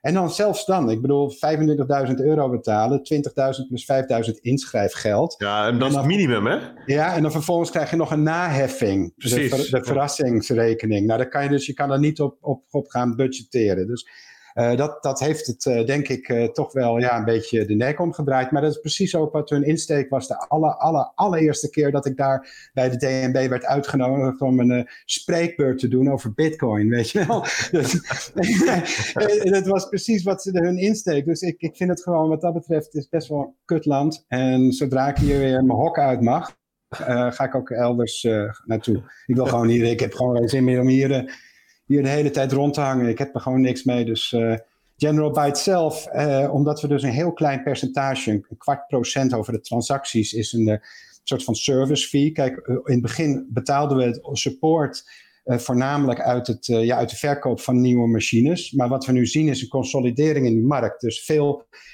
bestaande klanten met een klein netwerk, die, die stoppen en die verkopen hun automaten aan degene met een grote netwerk. Maar dat zorgt er wel weer voor dat wij minder verkopen. Dus die, die groei Ja. die blijft wel doorgaan, maar die vlakt af. Terwijl de kosten van support nog, en, en ontwikkelingen, want ja, ik bedoel Lightning, when Lightning, when Ripple, when, weet je, wel- welke shitcoin dan ook. Ripple? Zei, Ja. je dat nou hardop? Nou ja, dat is echt... XRP. geïmplementeerd. Ja, ja. is het intern. Maar, eh, dus dus dat, eh, dat soort, dat soort shitcoins en zo worden ook allemaal geïmplementeerd. Dus dat kost gewoon werk. Omdat ook al is het eenmaal geïmplementeerd, er is altijd weer nieuwe wijzigingen en zo. Dus we hebben dus die kleine support fee, maar dat maakt ons indirect indirect onderdeel van die transacties van onze klanten. Ook al hebben wij geen invloed op die klanten. Voel je hem al aankomen? Liability issue. Dus eh, op advies van de advocaat eh, hebben we gewoon alle software development verhuisd naar Panama. En eh, dat, dat, dus daar gaat gewoon alle software development. Voordeel is dat alle boekhouding ook in bitcoin kan. Dus we hoeven niet met een soort van bananenrepubliek dollars te gaan werken. En eh, ja, de, het is- Heerlijk, ja. dus developers kunnen we nu inhuren van over de hele wereld. En ze betalen in bitcoin. En dat zorgt er ook voor dat de automatenfabrikant die in Praag zit, niet meer direct liable is of te pakken is, zeg maar. Als mocht Nee, er- je hebt zij mocht wel losgetrokken als entiteit. Ja, ja, en heel jammer wel, vind ik. Maar eh, dit is de enige oplossing. Ik zei ook tegen dat meisje van de Fiat, die Evelien, van zeg, nou geld stroomt gewoon waar het goed behandeld wordt. En dus in dit geval niet Nederland. Nou, waar is dat dan wel? Panama. ja. En, toen, en toen vroeg ze, ligt dat onder Utrecht? Ja, ja, nee, ja, ja, ja, ja. Ja, ja, nee hoor, ik heb, daar, ik heb daar zo genoeg van. Ik denk wat dat betreft, eh, raad ik ook al die, al die kleine start-ups aan. Het is vrij voordelig om in een andere jurisdiction op te zetten. Het probleem is meestal een bankrekening, maar ga gewoon vanuit een andere jurisdiction werken. En, en zie Nederland gewoon als een gepasseerd station. Ook niet eens meer proberen, want eh, dat is alleen maar verspilde energie, negatieve Ja, als, je, als je internationaal wil, is dat nog een optie natuurlijk. Maar als je echt een Nederlandse markt had willen bedienen, dan heb je wel een issue. Ja, dan gaan ze zeggen, je richt je op je Nederlandse markt. Je, je zal je moeten conformen aan de Nederlandse wetgeving. Nou ja, oké, stuur maar een brief naar Panama. Ja. ik bedoel, dan krijg je hetzelfde als met die casino's. Volgens mij bestaan die nog steeds, dat soort casino's met Nederlandse vertaling. Ja, dat gevoel had ik dus ook. Alleen eh, ik, Willem-Jan van uh, Ledger Leopard die zei, ja, er wordt wel op zich wel op de toe, toezicht op gehouden. Maar, ja, wat Jan nou is precies, van, uh, van Watson Law trouwens. Even, oh ja, die bedoelde ik. Sorry. Ja, ja, nee, is fijn, fijn. Maar even rectificatie. Goeie correctie, goede yes. correctie. Oh, oh, oh. Nou, het is wel fijn dat, uh, dat General Byte zelf op zich wel gewoon door kan draaien. Want jullie verwerken geen transacties, hè? Uh, nee, niet, niet die van onze klanten. We zien ook niet de transacties van onze klanten. Nee. Het enige wat zij wij zien is het totaal hoeveelheid. En hun software, draaien hun eigen server of hun eigen cloud uh, instance, die, die telt dus dan op wat er aan, aan, aan support fee rekening is. Dus wij zien verder niet die transacties. Maar desondanks zijn we misschien wel liable ervoor als we onderdeel zijn ja. van. Ik bedoel, als je gaat kijken op een blockchain scanning tooltje of een analysis tooltje, dan zou het kunnen zien, hé, hey, dan gaat naar General Byte, weet je wat, die kennen we, dan gaan we er aankloppen. Ik bedoel, ze weten ons toch al te vinden. Elke keer ja. krijgen we weer requests voor data. En dan zeggen we, ja, dat hebben we niet, hebben we niet. Hey, maar, maar, we hebben het nu over deze wetgeving, hè, waar, waar nu bedrijven aan ten onder gaan of naar andere landen gaan. Maar wat jij in het begin zei, Martijn, wat ik wel heel tof vond, jij noemde even stacking.com. Ja, dat is, dat leuk, is ja. wel even iets wat mensen in de gaten moeten houden. Want dat is natuurlijk uh, van, van Leon volgens mij, uit, uit, de Telegram, uh, uit de Telegram groep. Ja. En uh, voor de mensen, ja, je gaat naar www.stacking.com en het idee is, wat er ook staat, earn free, ja, earn free bitcoin shopping your favorite European shops en booking platforms. Dus ja, dingen die je toch al koopt op internet, kan je dan via hun doen, whatever. Moet je maar even kijken hoe het precies werkt. Uh, maar dan kan je dus Satoshi stacken. Nou, dat is wel handig. Nu bit, uh, Bitter uh, er niet is, dan moeten we toch andere manieren gaan verzinnen om sats te stacken. Dus um, dat wilde ik er nog even uithalen. Want wat heb jij er nog meer over te vertellen, Martijn? Ja, want het, het kort. Is een, het is een, uh, je moet even kijken, stacking is niet met ACK, het is S-T-E-K-K-I-N-G. Ja, ja, Gewoon op zijn ja, Nederlands, hè? Op zijn Nederlands echt, stacking. dus als stekje, weet je. En, en dat is wel een, het is nog wel in beta, dus er zit nog allemaal wonky, maar ik vind het leuk om te testen. Dus ik koop, uh, nou, ik koop sowieso elke dag wat op AliExpress. Ja, join the club, dus dat klinkt wel interessant. Dus ja, echt leuk. Uh, de AliExpress, wat had ik? Ik had voedingssupplementen besteld. Uh, even kijken. Oh, durf je dat aan? Wat? Voedingssupplementen? Ja. Ik, ik ben helemaal, ik besta uit voedingssupplementen. Ja, maar vanuit AliExpress, daar verkopen ze ook blauwe komkommers. Ja, ik weet niet. Wat zijn blauwe komkommers? Ja, die verkopen ze daar. Dus, als je... ja, die ben ik nooit tegengekomen. dus via Stacking kun je die gewoon kopen hoor. Ja, ja via Stacking, ja. Ik, wat heb ik er nog meer gekocht? Uh, even kijken. Ja, het, het, oh ja, bamboe uh, ondergoed. Ja, ik bedoel. ja, ja, ik zie ook op de video Boris inschakelen. Die denkt ook, wat gebeurt hier? Bamboe ondergoed. Ja, ja die hoort stacking. Daar moet je bij zijn, toch? ja, nee, ik, het, is een, het is een leuke, leuke site. Uh, ja, het is van, uh, van Nederlandse bodem toch ook? Ja, van Leon uit de Telegram. Ja, ja, ja ik ken Leon, alleen Leon. En ik ben hem ooit een keer bij uh, Boris op de meetup tegengekomen. Uh, alleen, ik zou niet meer weten hoe hij eruit ziet. Want hij heeft zo'n pirate, uh, hoe heet die? Zo'n pirate avatar. Telegram. Ja, avatar. Dus dat, ja, dat vind ik af en toe zo lastig. Al die, al die gezichten dan uit elkaar. Maar het is een leuke site. Ik raad het echt iedereen aan, inderdaad. goed, goed idee. Goed idee van uh, Bart om even een plug te doen, ja. Nou ja, jij, ja, jij begon er... Nee, nee, Boris, je schakelt net in. Ja, we hadden het erover... Um, natuurlijk dat er veel innovatie de laatste tijd uh, ten onder gaat aan de wetgeving. En we wilden even stacking noemen als iets wat, wat nou juist weer als een mooie jonge bloem de grond uit, uh, uit, uitkomt. Dus hopelijk kunnen er nog, toch nog meer van dat soort initiatieven de komende tijd bijkomen. Ik hoop het. Ja, ik ben een fan van jonge bloemen. oh jee, oh jee. Ja, ja, ja. We zijn... Moet je er nou gelijk over beginnen? Ja, het is negen uur geweest. Precies. het wordt nu een soort late night talkshow. Martijn die heeft zijn e-smoker uit de kast gehaald. Ja, dan weet je het wel. Welkom bij mij. Ik dacht dat we het over bitcoin gingen hebben. Ja, ja, ja, ja. ja, daar hebben we het net drie uur over gehad, uh, Boris. Jij bent nu echt... Uh, we, ging, we gingen net over ufo's en uh, ah, dat soort vet. dingen hebben. oh, vet jongens. Right. Ja, Martijn, je mag blijven hangen hoor. Um, ja, ik vind het gezellig. Wat blijf zit je hangen, daar voor? Is dat bij je thuis of zit je in de studio, Boris? Nee, dit is uh, in mijn thuisstudio. Ik wou heel vet, wou ik het Bitcoin logo op de achtergrond. en ik, ik heb net letterlijk bijna mijn computer het raam uitgegooid, omdat het me niet lukte om een Nvidia driver te installeren. Ja, je, je kan Bart de hand schudden hoor. ja.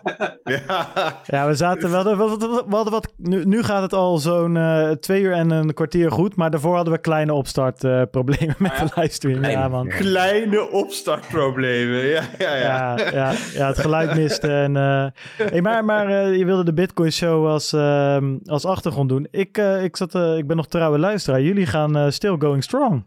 Ja, het gaat hartstikke goed. We hebben, we hebben elke week hebben we nieuwe luister- en kijkrecords, ondanks dat we het gewoon thuis remote opnemen tegenwoordig en niet meer in de studio. Wat ik heel erg jammer vind. Maar eh, nee, het gaat hartstikke goed. Maar, en de, want de, de meetup was afgelast. Eh, Heb je al een idee hoe, hoe jullie dat met, eh, met de halving eh, stream gaan doen? Ja, we, we hadden bedacht om eh, eh, met z'n allen eh, zoiets te gaan doen. En gewoon live en iedereen kan inbellen. En eh, eh, we gebruiken niet Jitsi, omdat ik eh, heb gezien dat het eh, nogal lastig is. Maar eh, nee, we gebruiken Whereby en OBS. Dus dat, eh, maar het, het idee is min of meer hetzelfde. Maar kan je al een, een tipje van de sluier oplichten? Want ik, ik, ik zit eh, voor de buis, maar eh, wat kunnen we een beetje verwachten? Dat eh, de block reward eh, dwars door midden gaat. Nee, maar van de stream zelf natuurlijk. Weet je, Ik heb echt eh, geen flauw idee. Jan die is alles aan het. Jan Ah, kijkt nu ook en die is alles aan het voorbereiden. Die is letterlijk nachten aan het doorhalen om de redactie in te richten. Dus ehm, ja, dus dat. Nou Jan, als je zit te luisteren, als je nog tips hebt hoe je je stream vooral niet moet beginnen, dan, eh, dan staan mijn eh, berichten, mijn telefoonnummer open. Want eh, we hebben een half uur lang zonder geluid eh, gezeten voordat dat eenmaal, eh, eenmaal werkte. Hey, in, de, in de chat gaat het nog steeds een beetje over de, over de prijs. Doet jij dat nou nog wat, Boris? Of eh, hebben deze vraag al zo vaak aan je gesteld en eh, is dat gevoel helemaal weg van die, eh, van die prijs die door die 10k gaat? Het is echt helemaal weg. Ik heb echt geen flauw idee. Het is, ik kreeg net serieus ik kreeg een, eh, een, een berichtje eh, in onze, ehm, eh, in onze de Bitcoin Show eh, groepje wat we hebben. En dan zei, volgens mij was het ook Jan, die zei van eh, we zijn door de 10.000. Ik zo, wow, op Twitter, followers, dat ben maar dat, eh, dat, dat, dat, het bleek gewoon maar om de prijs te gaan, whatever. Maar lekker belangrijk. Ja. Ja, ja, sick. Ik zit nog even te kijken. Als er in de chat nog vragen zijn voor deze twee eh, ja, Bitcoin, eh, Bitcoin helden. we- dat- zo hebben we jou ooit nog eens aangekondigd, Boris. Volgens mij de grootste Bitcoin, eh, Bitcoin held van Nederland of iets in die. Nee, eh, wat die was het ook richting. weer? Eh, niet Believer? Ja, wat was het nou? Dat is wel een mooie, ja. Bitcoin, ik ga het even zoeken. Ik ga het zoeken. eh, voor, voortrekkersrol had je volgens mij. Ja. Zei je- Shitcoin hater, kan ik me herinneren. Maar, Nou ja, dat, dat heb je er toen zelf eh, direct achter gezet. Maar dat is bijna twee jaar terug. ja, bizar. En eh, je, houdt nog, je houdt nog steeds vol. Als we, als we kijken, toen jij, toen jij voor de eerste keer bij ons te gast was, wat ik zeg, anderhalf jaar terug of iets dergelijks. je- Denk je nu dat je er nog, nog dieper in zit? Of, of, of begin je alweer te neigen naar iets van, nou ja, weet je, ik ben wel weer op zoek naar een nieuwe, een nieuwe rabbit hole om in te duiken? Of blijft dit je toch uitdagen? Nee, hij blijft uitdagen. En hij gaat dieper en dieper en dieper. En Bitcoin verandert ook de hele tijd. En eh, dat komt ook omdat Bitcoin zich eigenlijk steeds opnieuw manifesteert in die veranderende context. Dus ja, we staan nu in een soort van gigantische economische crisis die aan het losbarsten is. Die waarschijnlijk toch wel ging losbarsten. En we zagen hem allemaal aankomen. Maar ehm, ja, nu is dat aan het gebeuren. En hoe, hoe gedraagt Bitcoin zich daarin? Dat is interessant. Eh, je, je merkt dat, eh, dat Bitcoin echt, of tenminste, niet, het is niet zozeer Bitcoin die op ramkoers ligt, maar het is meer de overheid die op ramkoers ligt met Bitcoin. Bitcoin interesseert het verder niet zoveel, maar ehm, ja, daar zie, daar zie je dingen gebeuren. Dat is ontzettend interessant. Ik, ik, heb zelf juist die. die eh, ehm, voor mij zijn het een aantal fases. Die, eh, en ik heb dat volgens mij bij jullie eerste podcast ook zo uitgelegd. Voor mij is Bitcoin bestaat een aantal fases. En het begon voor mij begon het echt met techniek. Eh, toen ik begon, toen was die prijs, dat was één groot drama gedurende anderhalf jaar. Volgens mij, dat ging echt helemaal nergens over. Ehm, dus het- het- voor mij was het gewoon het idee van ja, het is virtuele currency. En ik snap dat uit videogames. En eh, mijn anarchistische hart gaat sneller kloppen van het feit dat ik in een soort van volledig virtuele wereld ook echt virtueel geld kan hebben. En eh, eh, dus dat, die technische fase was de eerste. Daarna kwam die, eh, ehm, ja, eigenlijk die economische fase. En we, gaan zo meteen naar die, die politieke of die geopolitieke fase toe. En dat vond ik zo vet in die podcast met Severdien en Plan B.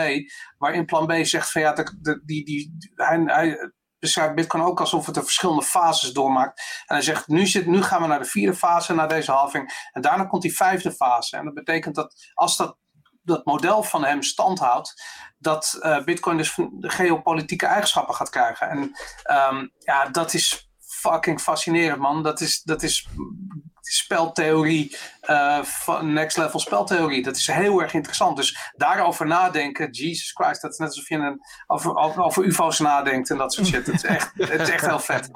Twee, twee hobby's komen samen, hoor ik al. Ja, oh man, absoluut. Hé, hey, maar Boris, want je kijkt nu vooruit. Ja, vind ik ook wel heel fascinerend inderdaad om er vooruit te kijken. En als je terugkijkt, wat, wat vind jij dan eh, eh, in retrospect, het, wat is nou het laatste van rondom Bitcoin, waarvan je zei van ja, jemig, dat, dat is tof, dat is een toffe eigenschap van Bitcoin die je hebt geleerd waar je tegenaan liep?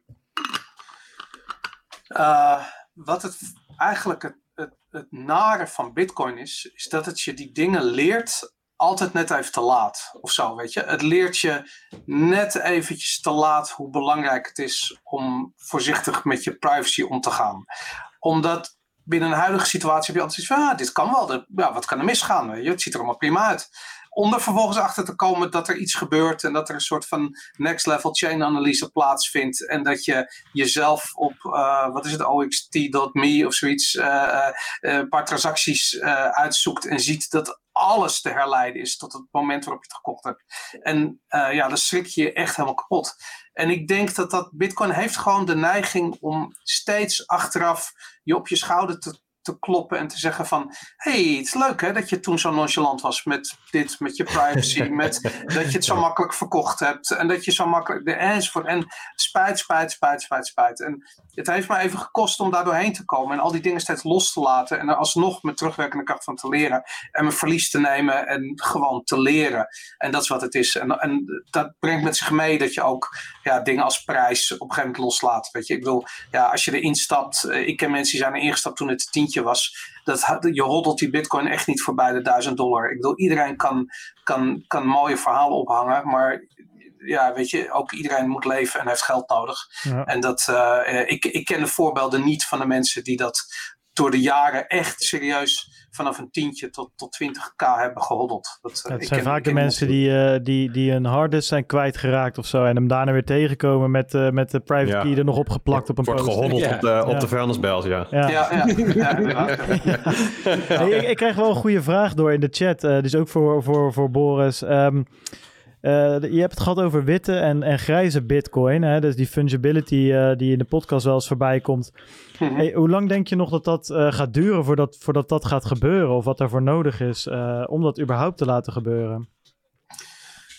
nou, wat er voor nodig is, is dat... Uh, ben ik bang dat het gebruik van Bitcoin nog verder de hoek in wordt gedreven. Dus ik denk eerlijk gezegd dat uh, het aantal uh, onboardingbedrijven die er zijn, weet je, de Bitonics, de, uh, ja, dat soort grote bedrijven, die zullen worden overgenomen door banken. Of misschien nemen zij wel banken over, dat weet ik niet. Maar dat gaat een beetje versmelten. Um, en de kleintjes, die, um, ja, die zullen verdwijnen, helaas. Wat we nu met Bitkassa en Bitter hebben gezien. daar, daar breekt echt mijn hart van hoor. Ik vind het echt heel naar. Maar dat is blijkbaar de wereld waar we naartoe gaan. Um, ik denk dat het misschien mogelijk is om in Zwitserland in een Bitcoin ATM een paar Satoshis te kopen. Dat zou misschien nog kunnen op een gegeven moment. Maar um, ja, wat je straks gaat krijgen, en dat zie je nu al eigenlijk. Ik bedoel, als je nu probeert wat Bitcoin te verkopen, ik geloof meer dan 10.000 of 15.000 krijgen we dan brieven over. Dan, um, uh, ja, dan krijg je dus echt ja, serieuze vragen van je bank. En nu zijn het nog vragen en zometeen uh, wordt het geld gewoon niet meer doorgegeven. Dan ben je het gewoon kwijt. En ja, als dat gaat gebeuren, dat zijn natuurlijk hele rare situaties. Um, ja, dan, dan zal een bankje dwingen om via hun ecosysteem uh, je bitcoin te verhandelen. Of ja. het is misschien helemaal niet meer mogelijk. En dan kun je dus je zwarte of grijze bitcoin die kun je uitgeven aan iemand die het accepteert. Dat is cool. Maar um, je gaat niet meer zomaar even van en naar euro's toe. Ja, is dat zo, Boris? Want juist is niet, niet, niet, die markt wordt niet legitiem gemaakt door die wetgeving. Hè? Dus moeten, moeten, moeten we straks echt wel naar banken? Of hebben we de, de, de Biton is Bitcoinmeester en zo? Is dat, houden die geen stand, denk je dan? Nee, ik denk dat die uiteindelijk overgenomen worden. En ik, ik, bedoel, we zien nu AML D5 en straks krijgen we AML D6 en AML D7 en weet ik veel. En uh, ja, dat, ik bedoel, trek de lijn door die je nu ziet uh, ontstaan. En we schrikken ons nu rot van uh, uh, registratie, tussen aanhalingstekens, registratiefees. Maar zometeen is het geen registratie meer, heet het gewoon officieel een licentie. En aan die licentie zitten gewoon voorwaarden vast. Als jij bitcoin wil verkopen voor euro's in Nederland, ja, dan, dan zal dat, daar zitten er voorwaarden aan. En ik kan me zomaar voorstellen dat het, het overmaken van bitcoin. Ik bedoel, er werd nu al, we hebben het nu steeds over custodial wallets. Eh daar wordt nu regelgeving voor, eh, voor ontworpen en uitgerold. Zometeen gaat iemand zijn vinger opsteken en zeggen: hoe zit het met non-custodial wallets? Ehm, ja, drugshandel, toestand, eh, witwassen. Dus dat, ja, dan gaan ze dat verbieden. Niet dat je dat kan verbieden. Ehm, maar ja, goed, je- wat ze wel kunnen zorgen is dat bedrijven met een licentie hun licentie op het spel zetten op het moment dat ze bitcoin overmaken naar ehm, ja, niet goedgekeurde adressen. Dat, is, dat soort onzin ga je krijgen. Ja, echt van die whitelist adressen. Ja, dus die, dat ecosysteem wordt heel beperkt. Ja, Ja, Eh, wat, ik, wat ik net zei, hè, dat, dat Bitcoin de neiging heeft om je op je schouder te tikken en te zeggen van hé, hey, dat had je anders moeten doen eh, twee jaar geleden of een jaar geleden. Nu is het moment eh, om tussen aanhalingstekens redelijk soeverein nog wat satoshis te kopen. Dat, we zouden zomaar straks in een wereld kunnen leven waarin dat niet meer kan. Eh, of niet meer in Nederland kan, of niet meer in Europa kan, weet ik veel, weet je, zoiets. Eh, en dan kijk je terug en denk je van, ja, maar jezus, had ik nou maar in 2020, eh, weet ik veel, een tientje in satoshis gehad, dan, ja, dan was het nu, had ik nu naar huis kunnen komen, weet ik veel, weet je. Ik bedoel, Ja. Dat soort onzin wat je altijd hoort. Ja. Hey, en, als we het toch over, over andere werelden hebben waar, waar we in kunnen leven. Ik heb de laatste tijd ook weer een andere wereld geleefd, namelijk die van eh, Verdansk van eh, Call of Duty. Oh shit. En, ja. eh, ja man, ik bedoel, eh, we- deze stream gaat straks weer uit en dan kan de volgende weer aan. De volgende stream gedaan. Precies. Maar heb je dan net zoveel kijkers? Nee, dan, ga, dan hebben we het over twee, drie eh, pa- pa- pak een beetje. Maar goed, daar gaat het niet om. Het punt is, eh, want ik zie die vraag ook van Mitchell langskomen in de chat. Eh, in, Call of Duty bijvoorbeeld heb je Call of Duty points. En die koop je dan met geld. En dan koop je daar weer je skins van. Of je poppetjes of je wapens of whatever je kan kopen. En eh, hij vraagt van, joh- in die gamingwereld zie jij daar...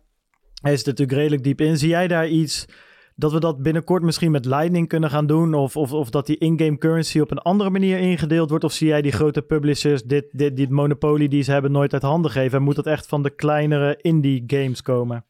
Ja, die grote publishers die lopen gewoon tegen die anti-gokwetgeving aan die je hebt. Eh, en in principe, als jij in Nederland een schaaktoernooi organiseert en eh, je hebt een prijs van 50 euro voor de winnaar, dan mag dat niet. Ehm, dat gaat, daar is gewoon wetgeving voor. Dus ehm, de grote uitgevers zullen hun vingers daar niet aan branden. Ehm, wat ik me wel kan voorstellen is dat je vanuit de indiehoek of aan de ene kant eh, gewoon helemaal indie games ziet, ziet komen. Wat je met, met dat Light Night eh, zag je dat, weet je. Nou, er zijn een aantal van dat soort projecten. Ehm, ik heb mezelf daar best wel eh, bij een paar gameontwikkelaars gelobbyd van doe eens wat met bitcoin. En het probleem is dat eh, veel gameontwikkelaars zijn helemaal niet zo technisch als je zou denken. Dus die zijn gewend om echt kant-en-klare tools te gebruiken. En die tools heb je niet voor Lightning of voor bitcoin. En nu hebben we voor het eerst een soort van beta plugin voor... ehm, eh, voor Unity, wat een veelgebruikte game engine eh, is. Eh, en het zou zomaar kunnen zijn dat dat wel wat projecten oplevert. Ehm, ik denk eigenlijk, ik zet mijn hoop een beetje op iets anders. En dat is dat we een soort laag bovenop die grote, of die grote eh, games krijgen. Van een soort third-party ontwikkelaars die het mogelijk maakt om iets in-game met je geld te doen. Hoe dat gaat werken. Ik heb er wel ideeën over. Ik ben zelf ook bezig met wat plannetjes. Maar ehm, ja, dat is gewoon iets wat, wat nog totaal eh, eh, onaangetast is. En, Maar het zou zomaar kunnen. Ja, het zou vet zijn. Lijkt mij wel, eh, lijkt mij wel, wel tof in ieder geval. En ehm, ik zit even te kijken. Ik zie nog een vraag eh, eh, eh, langskomen. Maar die hebben we net al een beetje beantwoord. Volgens mij, kijk, die, eh, er wordt gevraagd... zijn er Nederlandse banken die bezig zijn met het opzetten van een ecosysteem? Nou, we weten wel, volgens mij, Rens eh, Pothuizen vraagt dat... dat al die banken wel eh, al die pilots hebben lopen. We hadden natuurlijk, eh, wat was het? Hoe heet die? ING, maar ABN had toen op een gegeven moment Ja, wat lopen. Weet dat Wal- ook was het Wally of- Wally, Wally? Wally, ja. Precies, dus die, die dingen hebben we wel gezien. En ja, die, die zitten nu een beetje in de ijskast. Omdat ze ook die, eh, wat Boris zegt, denk ik ook die regelgeving enigszins afwachten. Om te kijken wanneer ze eh, in kunnen stappen. En Maar volgens mij de berichtgeving was ook meer. Ze zijn wel redelijk op hun vingers getikt. Het is niet zozeer afwachten. Het is echt gewoon eh, bijna foei. Dit gaan jullie gewoon even niet doen. Hè, dat, is, dat is wel iets andere aard van Ja, maar nu reden. is, die, nu is die AML D5 er natuurlijk. Nu is het ook duidelijk voor, voor, voor eh, ja, banken, maar iedereen die die markt wil betreden waar je aan moet voldoen.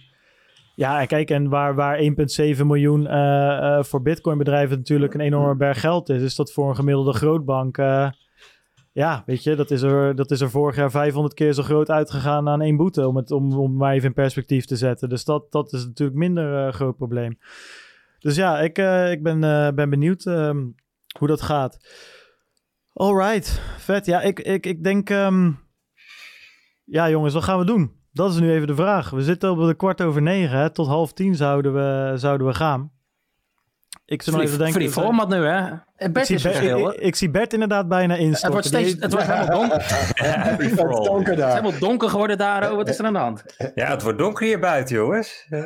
Wie er niet dan? Ja, bij ons ook waar. Ja, oké. Okay, laten we... Weet je, Bertje wil ontzien jou gewoon deze week. Jij hebt zoveel op je, uh, op je, op je bord gehad. Je hebt uh, ja, eventjes, dus, uh, even die rust nodig. Er is nu een grote haatcampagne op Twitter. Daar moet je ook af even kijken, hè? Voordat ja, je helemaal kapot maken. Misschien is dat wel goed. Boris, jij hebt altijd uitgesproken, uitgesproken mening. Je hebt best een, best een uh, groep volgers op Twitter. En die gaming-industrie, dat kan ook best wel uh, kampen zijn volgens mij. Hè? Pro een game of ertegen of whatever.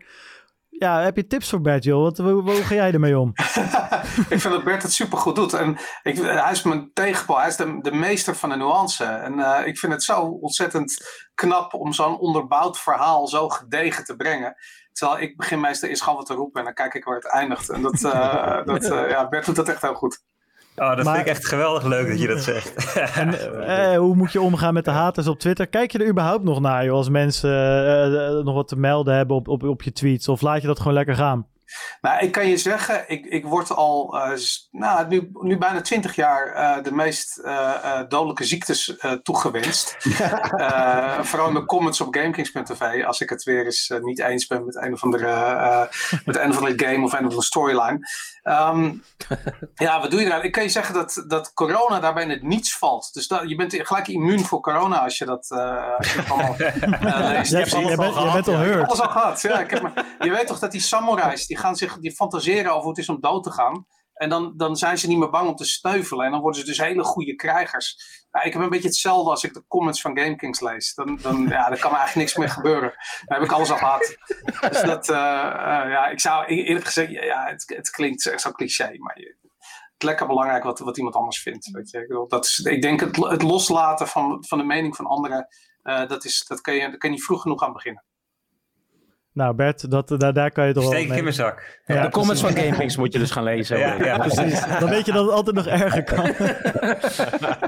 er wordt hier gevraagd, uh, is Boris van GameKings? Ja, uh, dat is nog steeds zo toch Boris? Doe je, ja. doe je nog een beetje items of, uh, of minder? Of, ja, zeker. Nee, absoluut. Ik heb een, uh, een hele rant gehouden in Brieven Maandag vorige week. Over dat ik uh, klaar ben met de, met de paniek uh, in de samenleving over, over COVID. En nou, dat, dat, dat gaf bijna 300 reacties erop. En sommige, enkele zijn het met me eens. De meeste hebben zoiets van ik helemaal gek geworden ben. En dat ik mensenlevens op het spel zet en weet ik het. Dus ja, weet je, ik, dat, dat doe ik nog steeds met veel liefde. Ik vind het hartstikke maar leuk. dat is wel een dan, we hebben het eigenlijk helemaal nog niet over corona gehad. Nou, Wijnand, dat is wel een, een unicum we zijn bijna drie uur bezig en uh, nog niet eens erover, uh, erover gehad. Wat ik wel interessant van Boris, jij was Eerlijk. een van de eerste die dat uh, genoemd heeft in, in, de, in de podcast. Volgens mij was jij in december of zo, of januari heb je dat al genoemd. Ja. Toen waarschuwde je er juist heel, heel erg voor. En nu, dat zie ik ook andere luisteraars zeggen, lijkt je alsof je de andere kant op geshift bent. Is dat, is dat ook iets van nu het soort van, ja, hoe, hoe, hoe, hoe komt dat? Hoe kijk je er nu eigenlijk überhaupt tegenaan?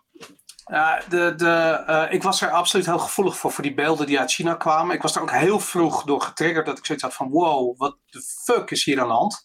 Um, en nou goed, toen ben ik zelf ook direct gaan, dat ik dacht van ja, dat gaat hier naartoe komen. Dat virus, daar heb ik me wat daar had ik wat minder mee. Dat vond ik een beetje abstract. Maar uh, vooral de, de, de, sociale impact van de beelden die uit, uit, uit Wuhan kwamen. Had ik zoiets van, ja, dat, als we ook maar een fractie daarvan hier krijgen, dan staat onze samenleving op kop. Nou, dat is allemaal gebeurd. Um, en dat, uh, um, uh, dat, dat vind ik heel interessant. Ik, ik, ik heb een wat andere invalshoek. Voor mij, um, ik denk eerlijk gezegd dat het virus niet zozeer de issue is. Weet je, um, uh, um, het is niet iets waar ik me per se heel erg zorgen over maak. Maar het enige, waar, de enige vraag die ik echt nog heel graag beantwoord wil zien, is waarom is die situatie in Wuhan zo uit de hand gelopen in de tijd? Zijn er veel meer doden gevallen daar dan officieel hebben gehoord? En hoe komt het? Waar sterven die mensen aan? En uh, ja, we krijgen nu, we hebben nog altijd geen data. Dat is het hele probleem van, van, van, van, van die kut corona shit. Is dat we hebben gewoon geen data. En dat, um, dat gaat langzaam een beetje beter worden naarmate we uh, natuurlijk uh, ja, verder uh, er vanaf raken. En ik denk dat het nu belangrijk is dat we weten wat er in China gebeurd is. Ja. Want ik, ik kan me voorstellen dat daar. Misschien komt dat virus uit, uit, uit het laboratorium. Um, uh, en zijn ze in paniek geraakt en wisten ze niet welk virus het was. Of gedroeg het virus zich in, in het laboratorium anders dan in de werkelijkheid. Of misschien was het in Wuhan wel veel erger en is het gemuteerd en hebben wij een of ander slap aftreksel van gekregen ik weet het niet. En niemand weet het. En dat is het stomme. Maar ja, als ik om me heen kijk, dan zie ik heel veel mensen uh, die voornamelijk bang zijn. En van de mensen uh, die ik om me heen zie, die het hebben gehad, die hebben zoiets van, ja, nou oké, het zal wel. En uh, weet je, als, als er niet zoveel paniek was, hadden ze er nooit op gelet. En um, ja, ik, ik, ik, ik, weet het niet, man. Die paniek moet gewoon stoppen. En voor de rest gewoon uh, moeten mensen gewoon voor zichzelf gaan bedenken hoe ze willen dat hun leven eruit ziet. En de overheid moet echt opzouten met, met regeltjes en tracking apps en weet ik wat van bullshit. Want dat, dat, dat lost niks op en niemand wordt er beter van. Nou, denk ja, ik. Dat is mijn bescheiden mening. ja. Maar is het dan denk je een beetje het onbekende of zo? Wat, wat, wat jou er dan in, in of de, juist dat er zoveel onduidelijk was. Ik bedoel, dank, hoe meer er onduidelijk is, hoe meer er natuurlijk ja, mooie gesprekken over kan voeren. Ik bedoel, nu zitten we er zelf middenin. Ja, en dan is het een soort van, ja, we zitten binnen. Maar hier worden geen deuren dichtgelast en, en vallen de mensen niet dood neer op straat, zeg maar. Dus nu, eh, denk je dat dat ermee te maken heeft of is het gewoon wat anders?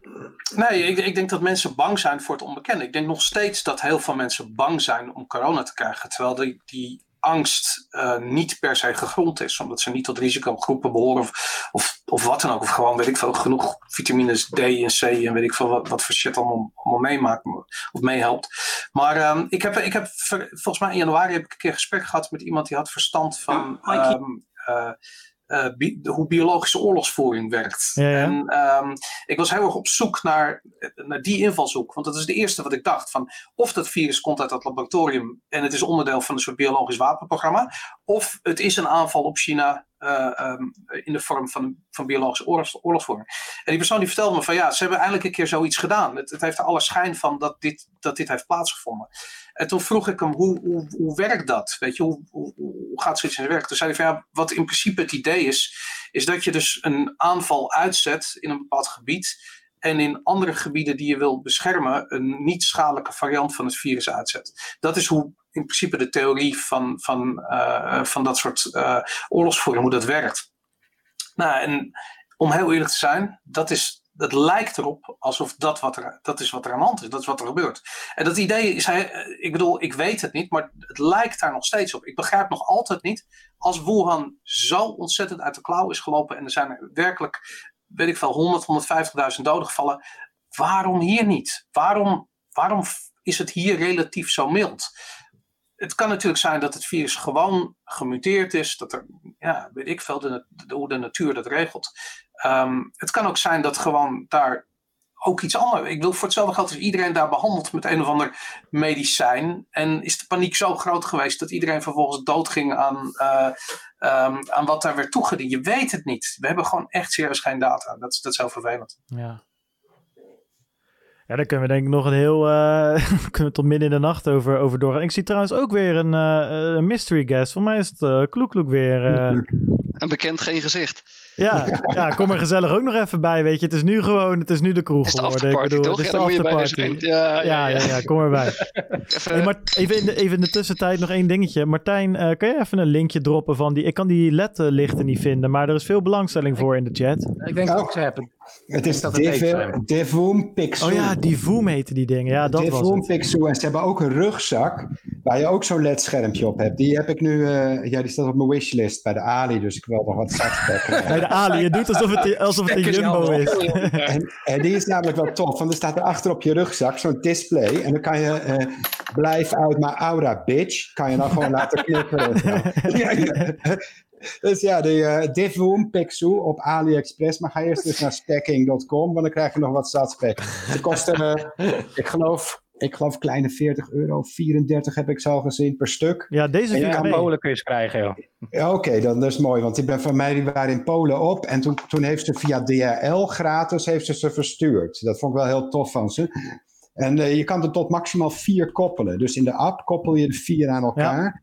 En als je dan een update doet, dan gaat het knippert er van alles. Dus eh, ja, via de app, eh, die app rammelt. Het is een beetje, maar je kan er hier zien, zie. Ja.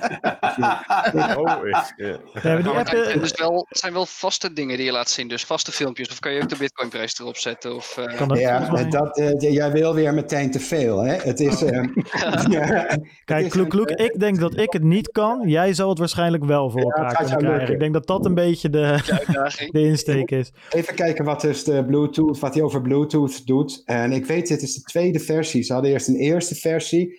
Die hadden ze gereverse engineerd, want open was het natuurlijk niet. En toen hebben ze het veranderd. En dus het werkt alleen maar met de oude versie, de, de open source software die je vindt op GitHub. Die werkt alleen maar met de eerste generatie. En dus niet die van mij en ook niet die van Bart. Dus Ah. eigenlijk, eh, ja, dus ik zou er geen tijd in stoppen. Ik zou gewoon die Telegram-botjes blijven bouwen. En dat ben je heel goed. ja. Oh. Ja, ja nee, ik, ik heb Ik zelf die eh Tivoe, eh Tivoom, Tivoe Max. Maar ja, die had ik toen. eh, maar ik denk dat het. Ik zou voor die dingen van Martijn gaan. Want voor de prijs van eentje van mij heb je vier van die volgens mij. Het ziet er weer heel Ja, cool dat uit is zo een op de speaker ook, toch? Ja, maar wel Bluetooth speaker. speaker, daar heb je ook niks aan. Joh. Je wilt tegenwoordig wifi speakers, noem maar op. Hey, eens even kijken, zit er nog wat... eh, ja, die 10.000 Die gaan we niet redden. vast. Wat is dat Dit dan? is ook eh, eentje. Dat is een, een- die kreeg ik eh, voor niets, of voor, voor, voor een paar dollar, omdat ik dan een review moest plaatsen. En dat is de Espresso. En het is een heel klein Bluetooth speakertje. Maar er komt er geluid uit, jongen. Dus echt, als je, als je dit ding op je fiets zet, ik zet hem op altijd op een stepje. En dan, eh, ja, als ik weer mijn hok uit mag, Ah, en dan, dan gaat iedereen opzij. Dus ja, nee, topmerk. Sirene erop. Ja, Hey guys, wat ik me afvroeg, hè, Lightning. Lightning moet het toch wel worden? Ik bedoel, iedereen, de, de grootste klachten over Bitcoin zijn al jaren van het schaalt niet, er er gaan amper transacties overheen. Ik bedoel, als ik nu zit te kijken, eh, ja, de, de, de mempool is nu ook weer aardig vol. Volgens mij moet het toch allemaal Lightning worden, second layer. Ik bedoel, ja, het begint weer een beetje, het voelt weer, Lightning begint weer te voelen als, als Bitcoin, toen in 2011. Dus het begint klein en het is allemaal lastig, maar het wordt toch steeds makkelijker om om ja, nodes te maken en weet ik wat. Dus ik vraag me ook af, qua, qua nodes, wat, hoe denken jullie dat het nou zal gaan gaan? Denk je dat iedereen, elke persoon een eigen node gaat hebben? Of Nee, toch? is het gewoon één handige buurjongen die dat dan voor een groepje mensen doet? Of, wat denken jullie? Nee, ik, ik, ik, denk dat eh, de ratio van mensen die zelf alles draaien en, en gewoon de gebruikers toch eh, meer in de categorie van 1 op 10.000 komt te liggen hoor.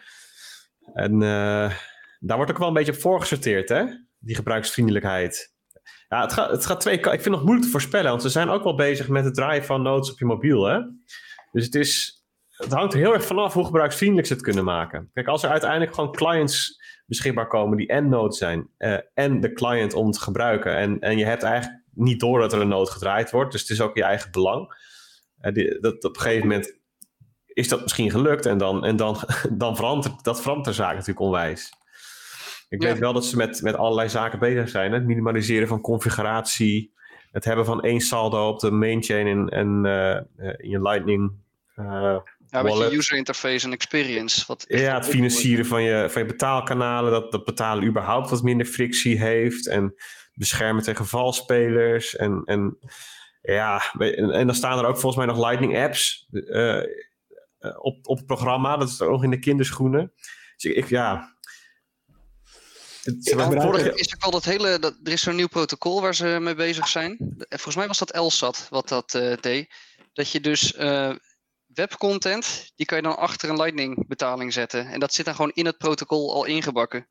Dus wat we ook eerder hoorden ook over WordProof, dat je in de protocollen gaan zitten, gaat zitten. Volgens mij wordt het daar interessant, zeg maar. Als je echt kan integreren in, in ja, de basis Ja, van... ja. eh, Ja, ik vond eh, er zijn best wel leuke voorbeelden. Eh, Lightning-based paywalls bijvoorbeeld.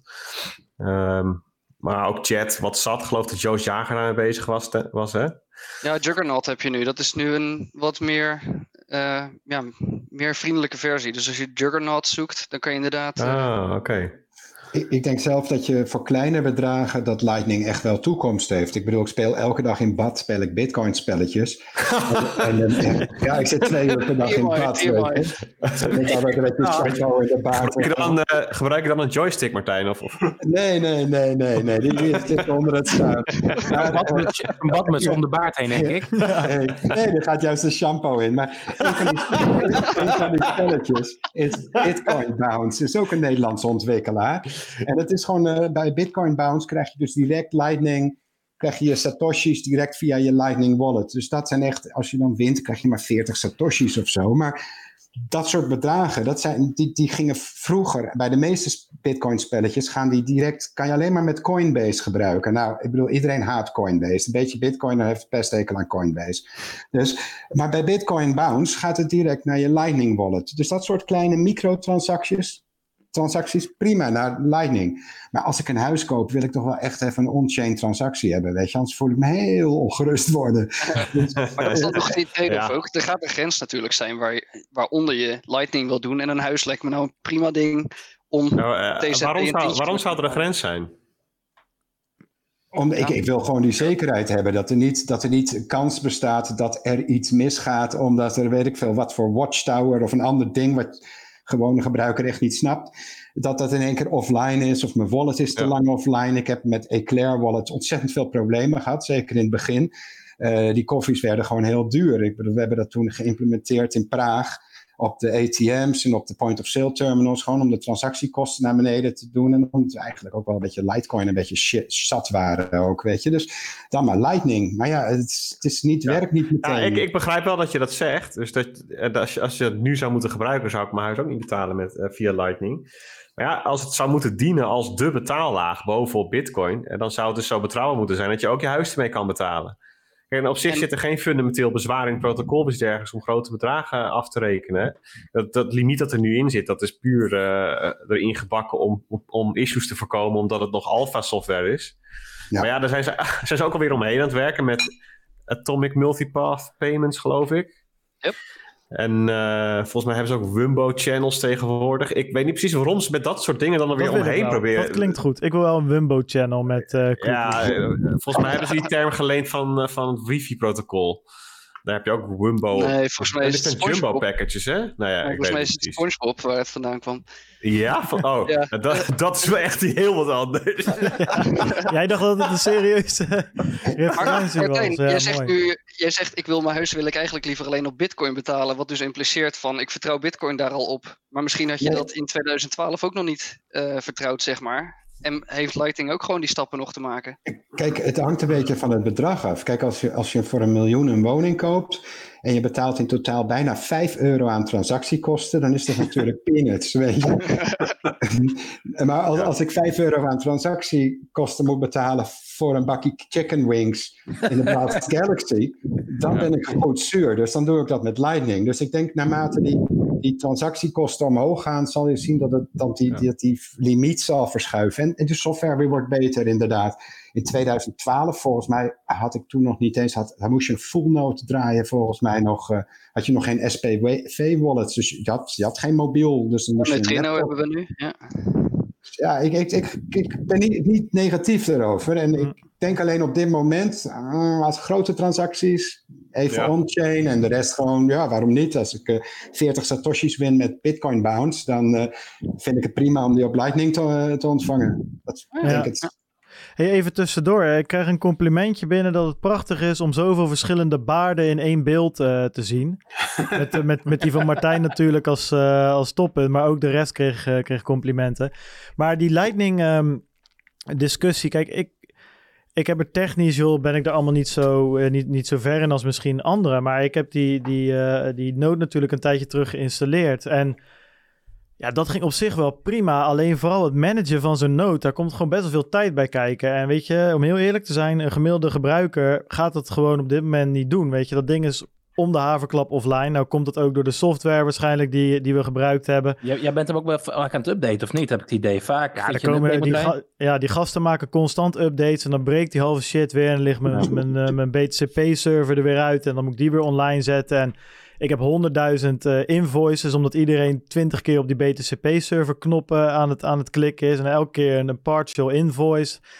Weet je, dat zijn dingen dat, dat, en dat gaat er uiteindelijk misschien wel uit. Maar dan heb ik het nog niet eens gehad over het managen van je liquiditeit in je channels, weet je wel. Ik bedoel, kijk Peter, wat jij net zegt, uh, dat, dat, dat klopt wel. Zeker als bitcoin wat stijgt in waarde, dat je natuurlijk grotere uh, transacties kan doen op het Lightning-netwerk. Maar goed, als iemand eventjes uh, nu bijvoorbeeld een 100 euro donatie of zo doet, dan is het ene channel weer helemaal leeg en dan moet ik dat ook weer loopen. Dus op dit moment is het gewoon nog veel werk. En moet je dat echt ook een beetje leuk vinden om zo'n zo'n note um, online te, te houden. Dus dat, daar moet nog best wel wat geautomatiseerd worden. Willen mensen dat, dat denk ik zelf gaan, uh, gaan doen in de toekomst. Maar denk je dat er fundamenteel wat mis zit? Of is dit gewoon ontwikkeling en is dit gewoon uh, een stukje user interface en dat soort zaken? Ik denk dat laatste.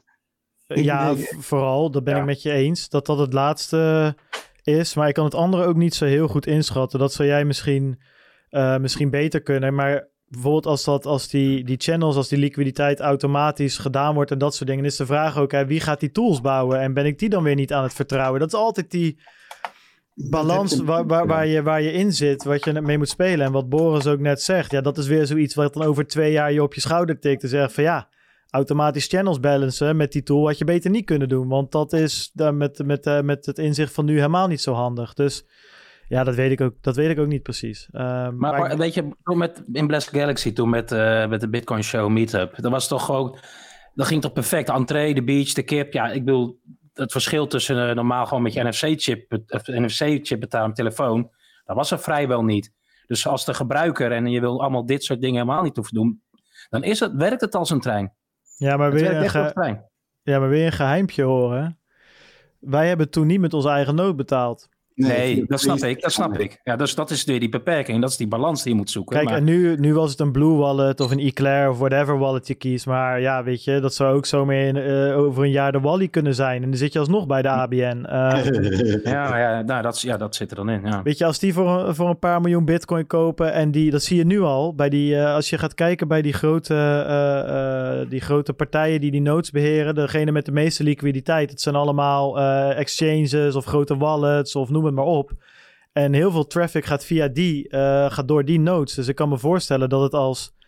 Op een gegeven moment zag je dat zelfs bij, bij Kloek Kloek. Die heeft een, uh, een redelijk goed geconnecte node in Nederland. En die kon op een gegeven moment in de Bitcoin Show chat... kon die gewoon zeggen van... hey, volgens mij heeft er iemand een uh, donatie gedaan net van 3 euro. Wie was dat, weet je wel? Dus er komt informatie langs door zo'n node. Ja. En als je daar als bank bovenop gaat zitten... en jij wordt de hub...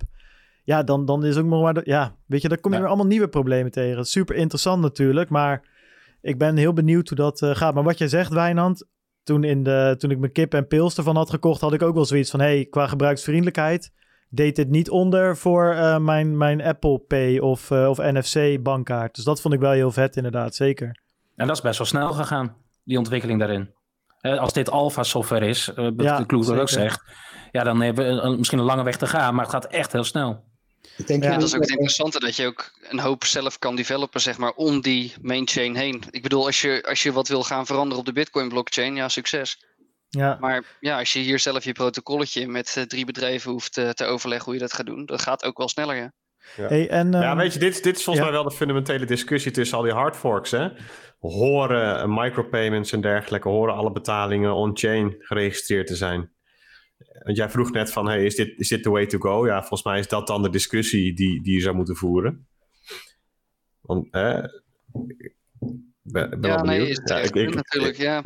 Ik, ik, neem aan dat de meeste mensen hier zeggen van, joh, uh, mijn koffie hoeft niet per se op de, uh, met een, uh, op, op de main chain geregistreerd te staan. Dat, dat mag best in, in een verzameltransactie vanuit een Lightning channel. Je ziet het nu met Bitcoin Cash. Uh, ik weet dat het de meesten vinden helemaal niks, de Bitcoin Cash. Maar Bitcoin Cash heeft zit, nou een tijdje hebben ze SLP, de Simple Ledger Protocol. Het lijkt een beetje op de colored coins die we vroeger hadden op het Bitcoin-netwerk. Maar dat kon in één keer niet meer, want die werden als spam gezien. En dan is het jammer dat de one man's transaction is another man's spam transaction. Dus dat werd toen uh, eigenlijk uitgezet en dat kon niet meer. Maar op Bitcoin Cash gebeurt dat wel. Dus je kan vrij makkelijk kan je eigen tokens maken, à la Ethereum tokens. Alleen dan ja, uh, op Bitcoin Cash Chain. Um, daar is alles on-chain. Maar als je ziet hoe die mensen een node opzetten, dan moeten ze een, een Docker container installeren met Hadoop erop, de Big Data database. En eigenlijk weet niemand precies hoe het werkt. Ik bedoel, als je een Docker container installeert, dat is alsof je een executable runt die iemand je heeft gemaild, weet je, zoals we in de jaren negentig wel deden. En, en dat is gewoon onvoorspelbaar. Dus het, het is, het is, eh, het, het, ik denk niet dat die kleine transacties, die horen niet on-chain. Mm, Maar de huidige blockchain op Bitcoin, die blocks, die laten ons ook niet veel ruimte om echt iets te experimenteren. Dus ik, eh, ik denk voor de kleine koffies, Lightning. En de centralisatie is onvermijdelijk. Zoals, zoals Bart net zei, van ja, eh, iemand heeft een goed connected cluster. En vervolgens weet, eh, weet, weet, ziet hij al die transacties er doorgaan. Je ziet heel veel centralisatie en ook ja, toch een beetje custodial wallets. Ik, ik weet niet, ik heb nu Breeze, dat is de enige die werkte. Ik zat net te kijken, ik heb elke dag heb ik wel een Lightning transactie die binnenkomt tegenwoordig. En het zijn altijd kleine bedragjes. Nou ja, behalve die van Stacking natuurlijk. Maar eh, voor de rest zijn het allemaal... eh, Stacking.com was het geloof ik, hè? Wat? Hoe was het ook weer? Sta- Stacking.com had je het toch over? Ja. ja. Nee, nee, hey, hey, kan René, kan René niet even aanschuiven? Dan krijg ik in één keer tienduizenden satoshis terug. Terwijl, ik bedoel, bij, bij die Thunder Games, dat is van Bitcoin Bounce. Dat is wel een beetje, het, het is net alsof de Tinder game staat. Maar het is eh, het Thunder Games, die, die, die, dat is elke keer 30, 40 en Ja. hier 150 satoshis. Dus voor dat soort bedragen, ja, dan kan je ook geen on-chain, dat zou niet werken on-chain. Dan moet je, moet je een rare chain gaan gebruiken, zoals Bitcoin Cash. Ja, dat wil eigenlijk niemand. Dus dan zit je dus, het is, ja, ik, ik, ik weet het niet. De toekomst is een beta, zeg ik altijd maar. Die satoshis kl- klotsen tegen de muur, eh, plint aan bij jou, hoor, Martijn. Man. Ja, joh, het, ik, bedoel, ik heb altijd al mijn, ik ben altijd, al mijn satoshis of mijn bitcoins heb ik altijd opgebouwd met echt peanuts. En een hele hoop peanuts is uiteindelijk toch, ja, best wel genoeg geworden, weet je. Dus ik- Ja. wie het kleine niet deert, dat geldt zeker voor satoshi stekken, denk ik. Hey, maar waar ik nou wel, toen jij net zei, Wijnand, van eh, bij, de, bij die meetup werkte het zo goed, eh, dat afrekenen was natuurlijk wel, jullie gebruiken toch Bitkassa daar, eh, Boris? Ja, absoluut. Dat was helemaal uh, Bitkassa, ja. Maar was, het- is, weet, weet jij toevallig of dat nog een soort van, of, of die code nu open source gemaakt gaat worden? Ja, kijk, het gedeelte Bitcoin direct omwisselen naar geld zou niet gebeuren, zal niet gebeuren. Maar misschien in ieder geval het gedeelte, weet je wat je met de BTCP-server ook hebt, dat er in ieder geval elke keer een nieuwe invoice wordt gemaakt of iets in die richting? Nou, Ja. kijk, het, het, het werkt ontzettend goed. Eh, vooral direct aan de bar. Weet je, omdat eh, wa- wat er zo goed was aan wat Bitkassa deed, is dat eh, de meisjes die bijvoorbeeld achter de bar werkten, of het personeel die echt de ballenverstand hebben van Bitcoin, die hoeft je één keer uit te leggen hoe het werkt en klaar. En het, het werkt op elke telefoon. Ze Ja. gewoon een URL en nou, je, je vult een, een bedrag in en het wordt afgerekend via Lightning of, of on-chain. Dat was supergoed.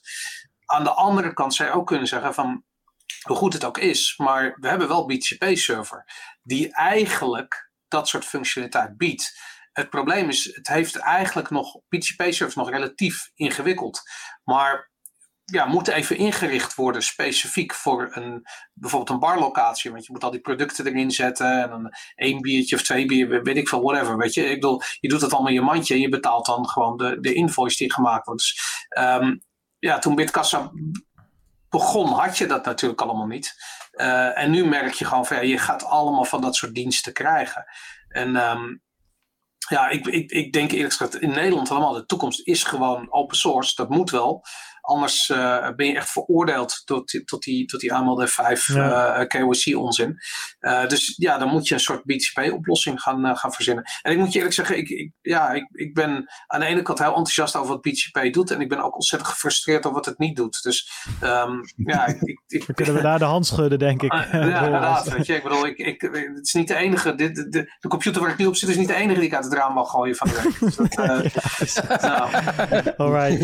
Hey jongens, ik denk, eh, ik vind het mega gezellig en dat moeten we zeker nog een keertje eh, gaan doen. Wat ik helemaal opvallend vind, is dat we eigenlijk al 2,5 uur lang op, op 85 kijkers zitten. Het zijn wel echt hardcore bitcoiners. Ik bedoel, Boris, jij zegt wel eens de slimste bitcoiners. Nou, volgens mij heb je ze meegenomen. Deze be- 80 man. Dus in ieder geval bedankt ook allemaal aan iedereen die zit te kijken. Sick hoor, dat we gewoon eh, zoveel mensen tegelijk drie uur lang met alle technische problemen aan blijven haken. Ja, ik denk eh, de- dat eh, misschien moeten we nog even met, met de broers hem even afsluiten. En dan, ehm, Hey, jongens, mag, mag ik jullie allemaal uitnodigen voor eh, onze eh, eh, de halving party livestream eh, die we waarschijnlijk maandag slash dinsdag ergens gaan doen. Eh, zes blokken voor blok 630.000. Ja, vet. Ik ben erbij. Ja, heel leuk. Ja, ik, ik stuur jullie wel eventjes een linkje in, de, eh, in deze eh, Telegram groep die we hebben aangemaakt. Ja, Nou, cool. geniaal. Hey, Boris, weet je al bordje. hoe laat die gaat zijn? Heb je al een eh, idee? 600 Ik- blokken nog, hè? Net. Ik, ik hoop niet om vijf uur, want dan heb ik nog een afspraak. Dus, Ja, nee, maar is het, is het ergens overdag of zo? Of Wordt het wat je, ik, hoor- midden in de nacht is ook zo wat, hè? Nou, kijk, je weet natuurlijk niet precies wanneer die blokken gemined worden. Dus eh, eh, uitgaande van 10 minuten per blok kom je uit eh, volgens mij op, eh, eh, op dinsdag eh, in de loop van de middag. En als je het gemiddelde van een aantal blokken van, van de afgelopen 100 of 1000 blokken neemt of zoiets, dan kom je juist weer op maandagavond uit. Dus ja, Ah, het gaat ergens tussen maandagavond en dinsdagmiddag eh, plaatsvinden. Nou, spannend. En Anders blijven we er voorop. Hè? Daarom. Zo is het ook. Daarom. Het zal natuurlijk midden in de nacht worden.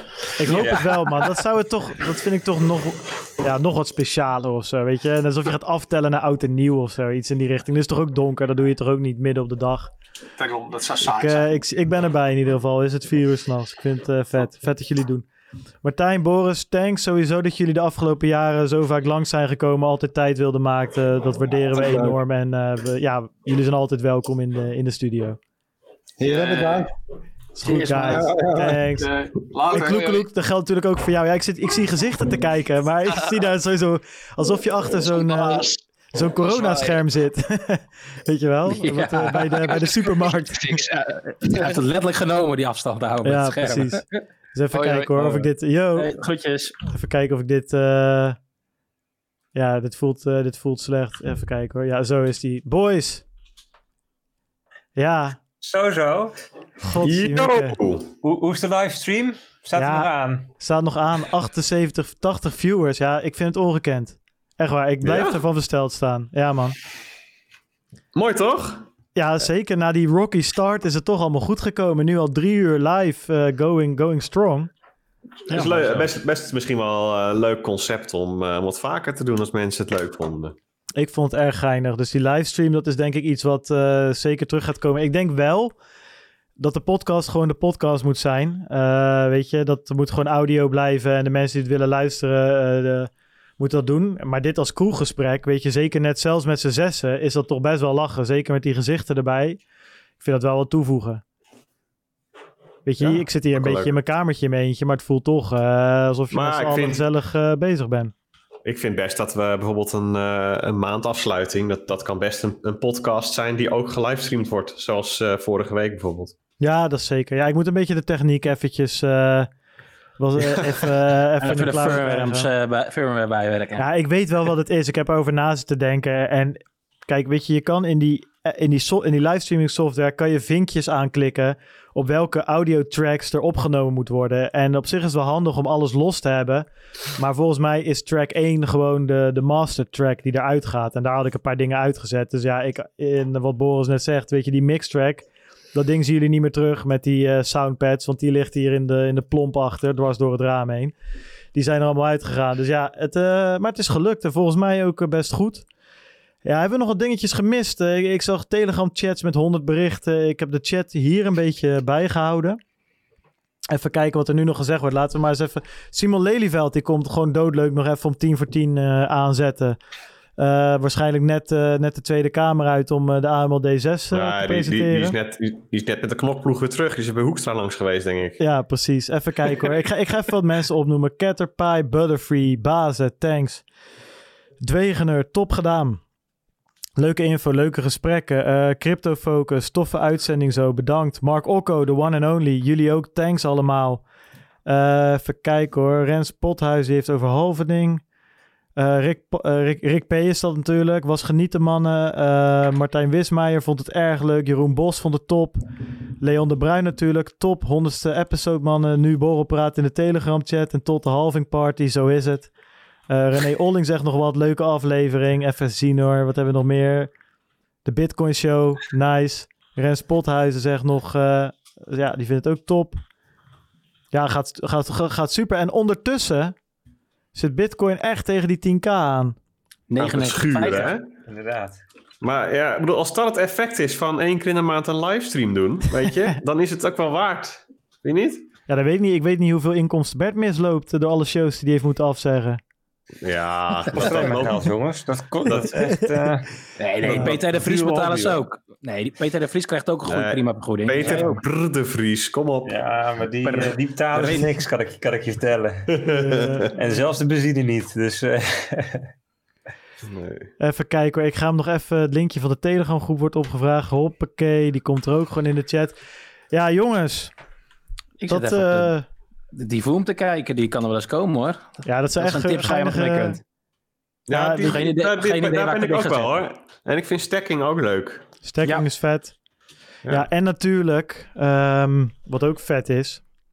We hebben natuurlijk al door de uitzending een beetje genoemd, maar niet iedereen is aan de beurt gekomen. Want ik heb volgens mij Olivier kon uiteindelijk niet aanhaken. Nee, Oh, die belt nu net in, denk ik. die gaan we nog even doen. Nou ja, ik wil wel eventjes, ik bedoel, eh, we hebben ze niet allemaal gehad, maar Ledger Leopard, eh, dus Olivier, maar ook Jeroen, eh Anycoin Direct, eh, Bram Selen natuurlijk, eh, Watson Law hebben we langs gehad, Satos natuurlijk, ook vanaf het begin erbij, waren er vandaag niet aanwezig. Maven 11, Balder en de Bitcoin Meester met Chris. Ja, namens eh, mij en Wijnand eh, van harte bedankt het afgelopen jaar. Toch voor alle steun. eh, zeker in het begin toen we eigenlijk amper cijfers hadden om, om, om te laten zien. Waar ze gewoon zeiden, joh, maakt ons niks uit. We vinden het vet, we zijn te gast geweest en we gaan jullie steunen. Nou, dat zijn wel dingen, dat zie je in andere markten toch minder, heb ik het idee. En dat is in die cryptomarkt toch heel aanwezig. Dus dat hebben we altijd gewaardeerd. En jullie hebben ons altijd enorm vrijgelaten in whatever we wilden gaan doen voor onzin. En eh, ook dat zie je niet overal. Dus eh, nou, check ze uit. Ja, het, eh, er zitten brokers tussen, advocaten en, en eh, consultants en noem het maar op. Dus het ligt er heel erg aan wat je nodig hebt, maar voor ieder wat wils. En ehm, ja, het soundboard. Ja, nu, nu kunnen we die ook wel gaan proberen natuurlijk. Ehm, Kijk nou uit, hè. Oh, oh, oh, oh. Nee, hij doet het, hij Weet, doet het. wat je doet, hè? Sla eerst de boel even drie keer op. Maar jullie kunnen het niet, eh, Vijf euro's jullie kunnen het niet horen. op je muil, gauw. Dus, Ja, dat dan, dat kan maar zitten. dus oké, maar dat is even voor hier. Even kijken hoor. Om mee te. Ja, eh, jongens, dat, dat hebben Wat we zitten toch jullie in donker hokken, joh? Ja, wacht, ik kan eh, de verlichting wel wat... eh, ja, jij hebt TL-balken bij je. Nee, ja, ik heb gewoon, eh, gewoon netjes gedacht aan een verlichting. Ja, je kan alle kleuren doen die je, wil. Kan ook, eh, Doe maar rood. oh, rood heb ik wel, dat, dat doe ik wel vaker. Dan beginnen wel veel mensen op de, deur te komen. ja, je woont midden in Amsterdam natuurlijk. Hè? Ja. Toch nog wel, hè? ja, dat, dat mag pas over een paar maanden, hè, dat soort werk. Binnenkort kan dat via stekking, hè? Ja. Stacking.com. Lekker. Hey, ehm, jongens. Ik eh, wil jullie nogmaals van harte bedanken. Wijnand, jij ook. Eh, dat heb ik voor mij nooit echt uitgesproken. Maar 100 afleveringen samen, elke Bizar, week hè? aanwezig. Dat is, ehm, dat is niet Moet eens niks. kijken hoeveel uur het is eigenlijk. Dat, eh, nou ja, dat- minimaal 100. Maar eh, Ja, sinds, de slachters erbij, sinds de slachters erbij zijn, eh, is dat misschien wel een eh, uurtje of drie per aflevering inderdaad. Nee, maar zonder dolle. ja. Zonder dolle. Ja, We hebben R0 natuurlijk... van eh, eh, 5, denk ik. Dat sowieso. Nou ja, kijk, weet je, we, we zijn er toen ooit eens een keer begonnen als een soort van eh, gek geintje. En ik weet nog wel eh, dat we allebei dachten van, nou, vooral, vooral ik, ik begin altijd aan dingen. En dan na twee maanden later, dan staat mijn streaming PC eh, stof te happen. Of mijn, mijn moestuin, daar, daar staat alleen nog maar onkruid in. Ja, Maar ja, nu zijn we- met de Big Bang beginnen. Dat is denk ik ook de kracht geweest. Dat, hè, want normaal zou je beginnen, je plakt een, een simpel cameraatje en een, een, een, een kutmicrofoontje. Je gaat beginnen. Hè, vanaf dag één meteen staat er wel spul waar je iets mee kunt. En dat Ja. gebruiken we nog steeds. Ja, dat is zeker. Nou ja, dus bijna allemaal. Dus dat is wel... eh, Ja, en 100 afleveringen, man. Dus eh, ja, wat ik zeg, dan waardeer ik alle moeite die je erin hebt gestopt. En ehm, wat is met mij gebeurd tijdens de uitzending? Is dit... eh, ja, waarschijnlijk 5G, denk ik. Hebben ze zo'n paal geplaatst bij jou in de buurt? Oh, is dat haar? Oh. nou, ik ben heel blij dat die kaps erover mogen. Want eh, ik ging dat bijna zelf doen. Vet. Nou jongens, en eh, klokje ja, gebroeders, nog, hè? gebroeders Slachter hebben, we ook al, hebben we ook al gehad. Ja, 100 stuks. Nou ja, volgende week weer. Eh, laat vooral weten in de Telegram groep eh, wat je ervan vond.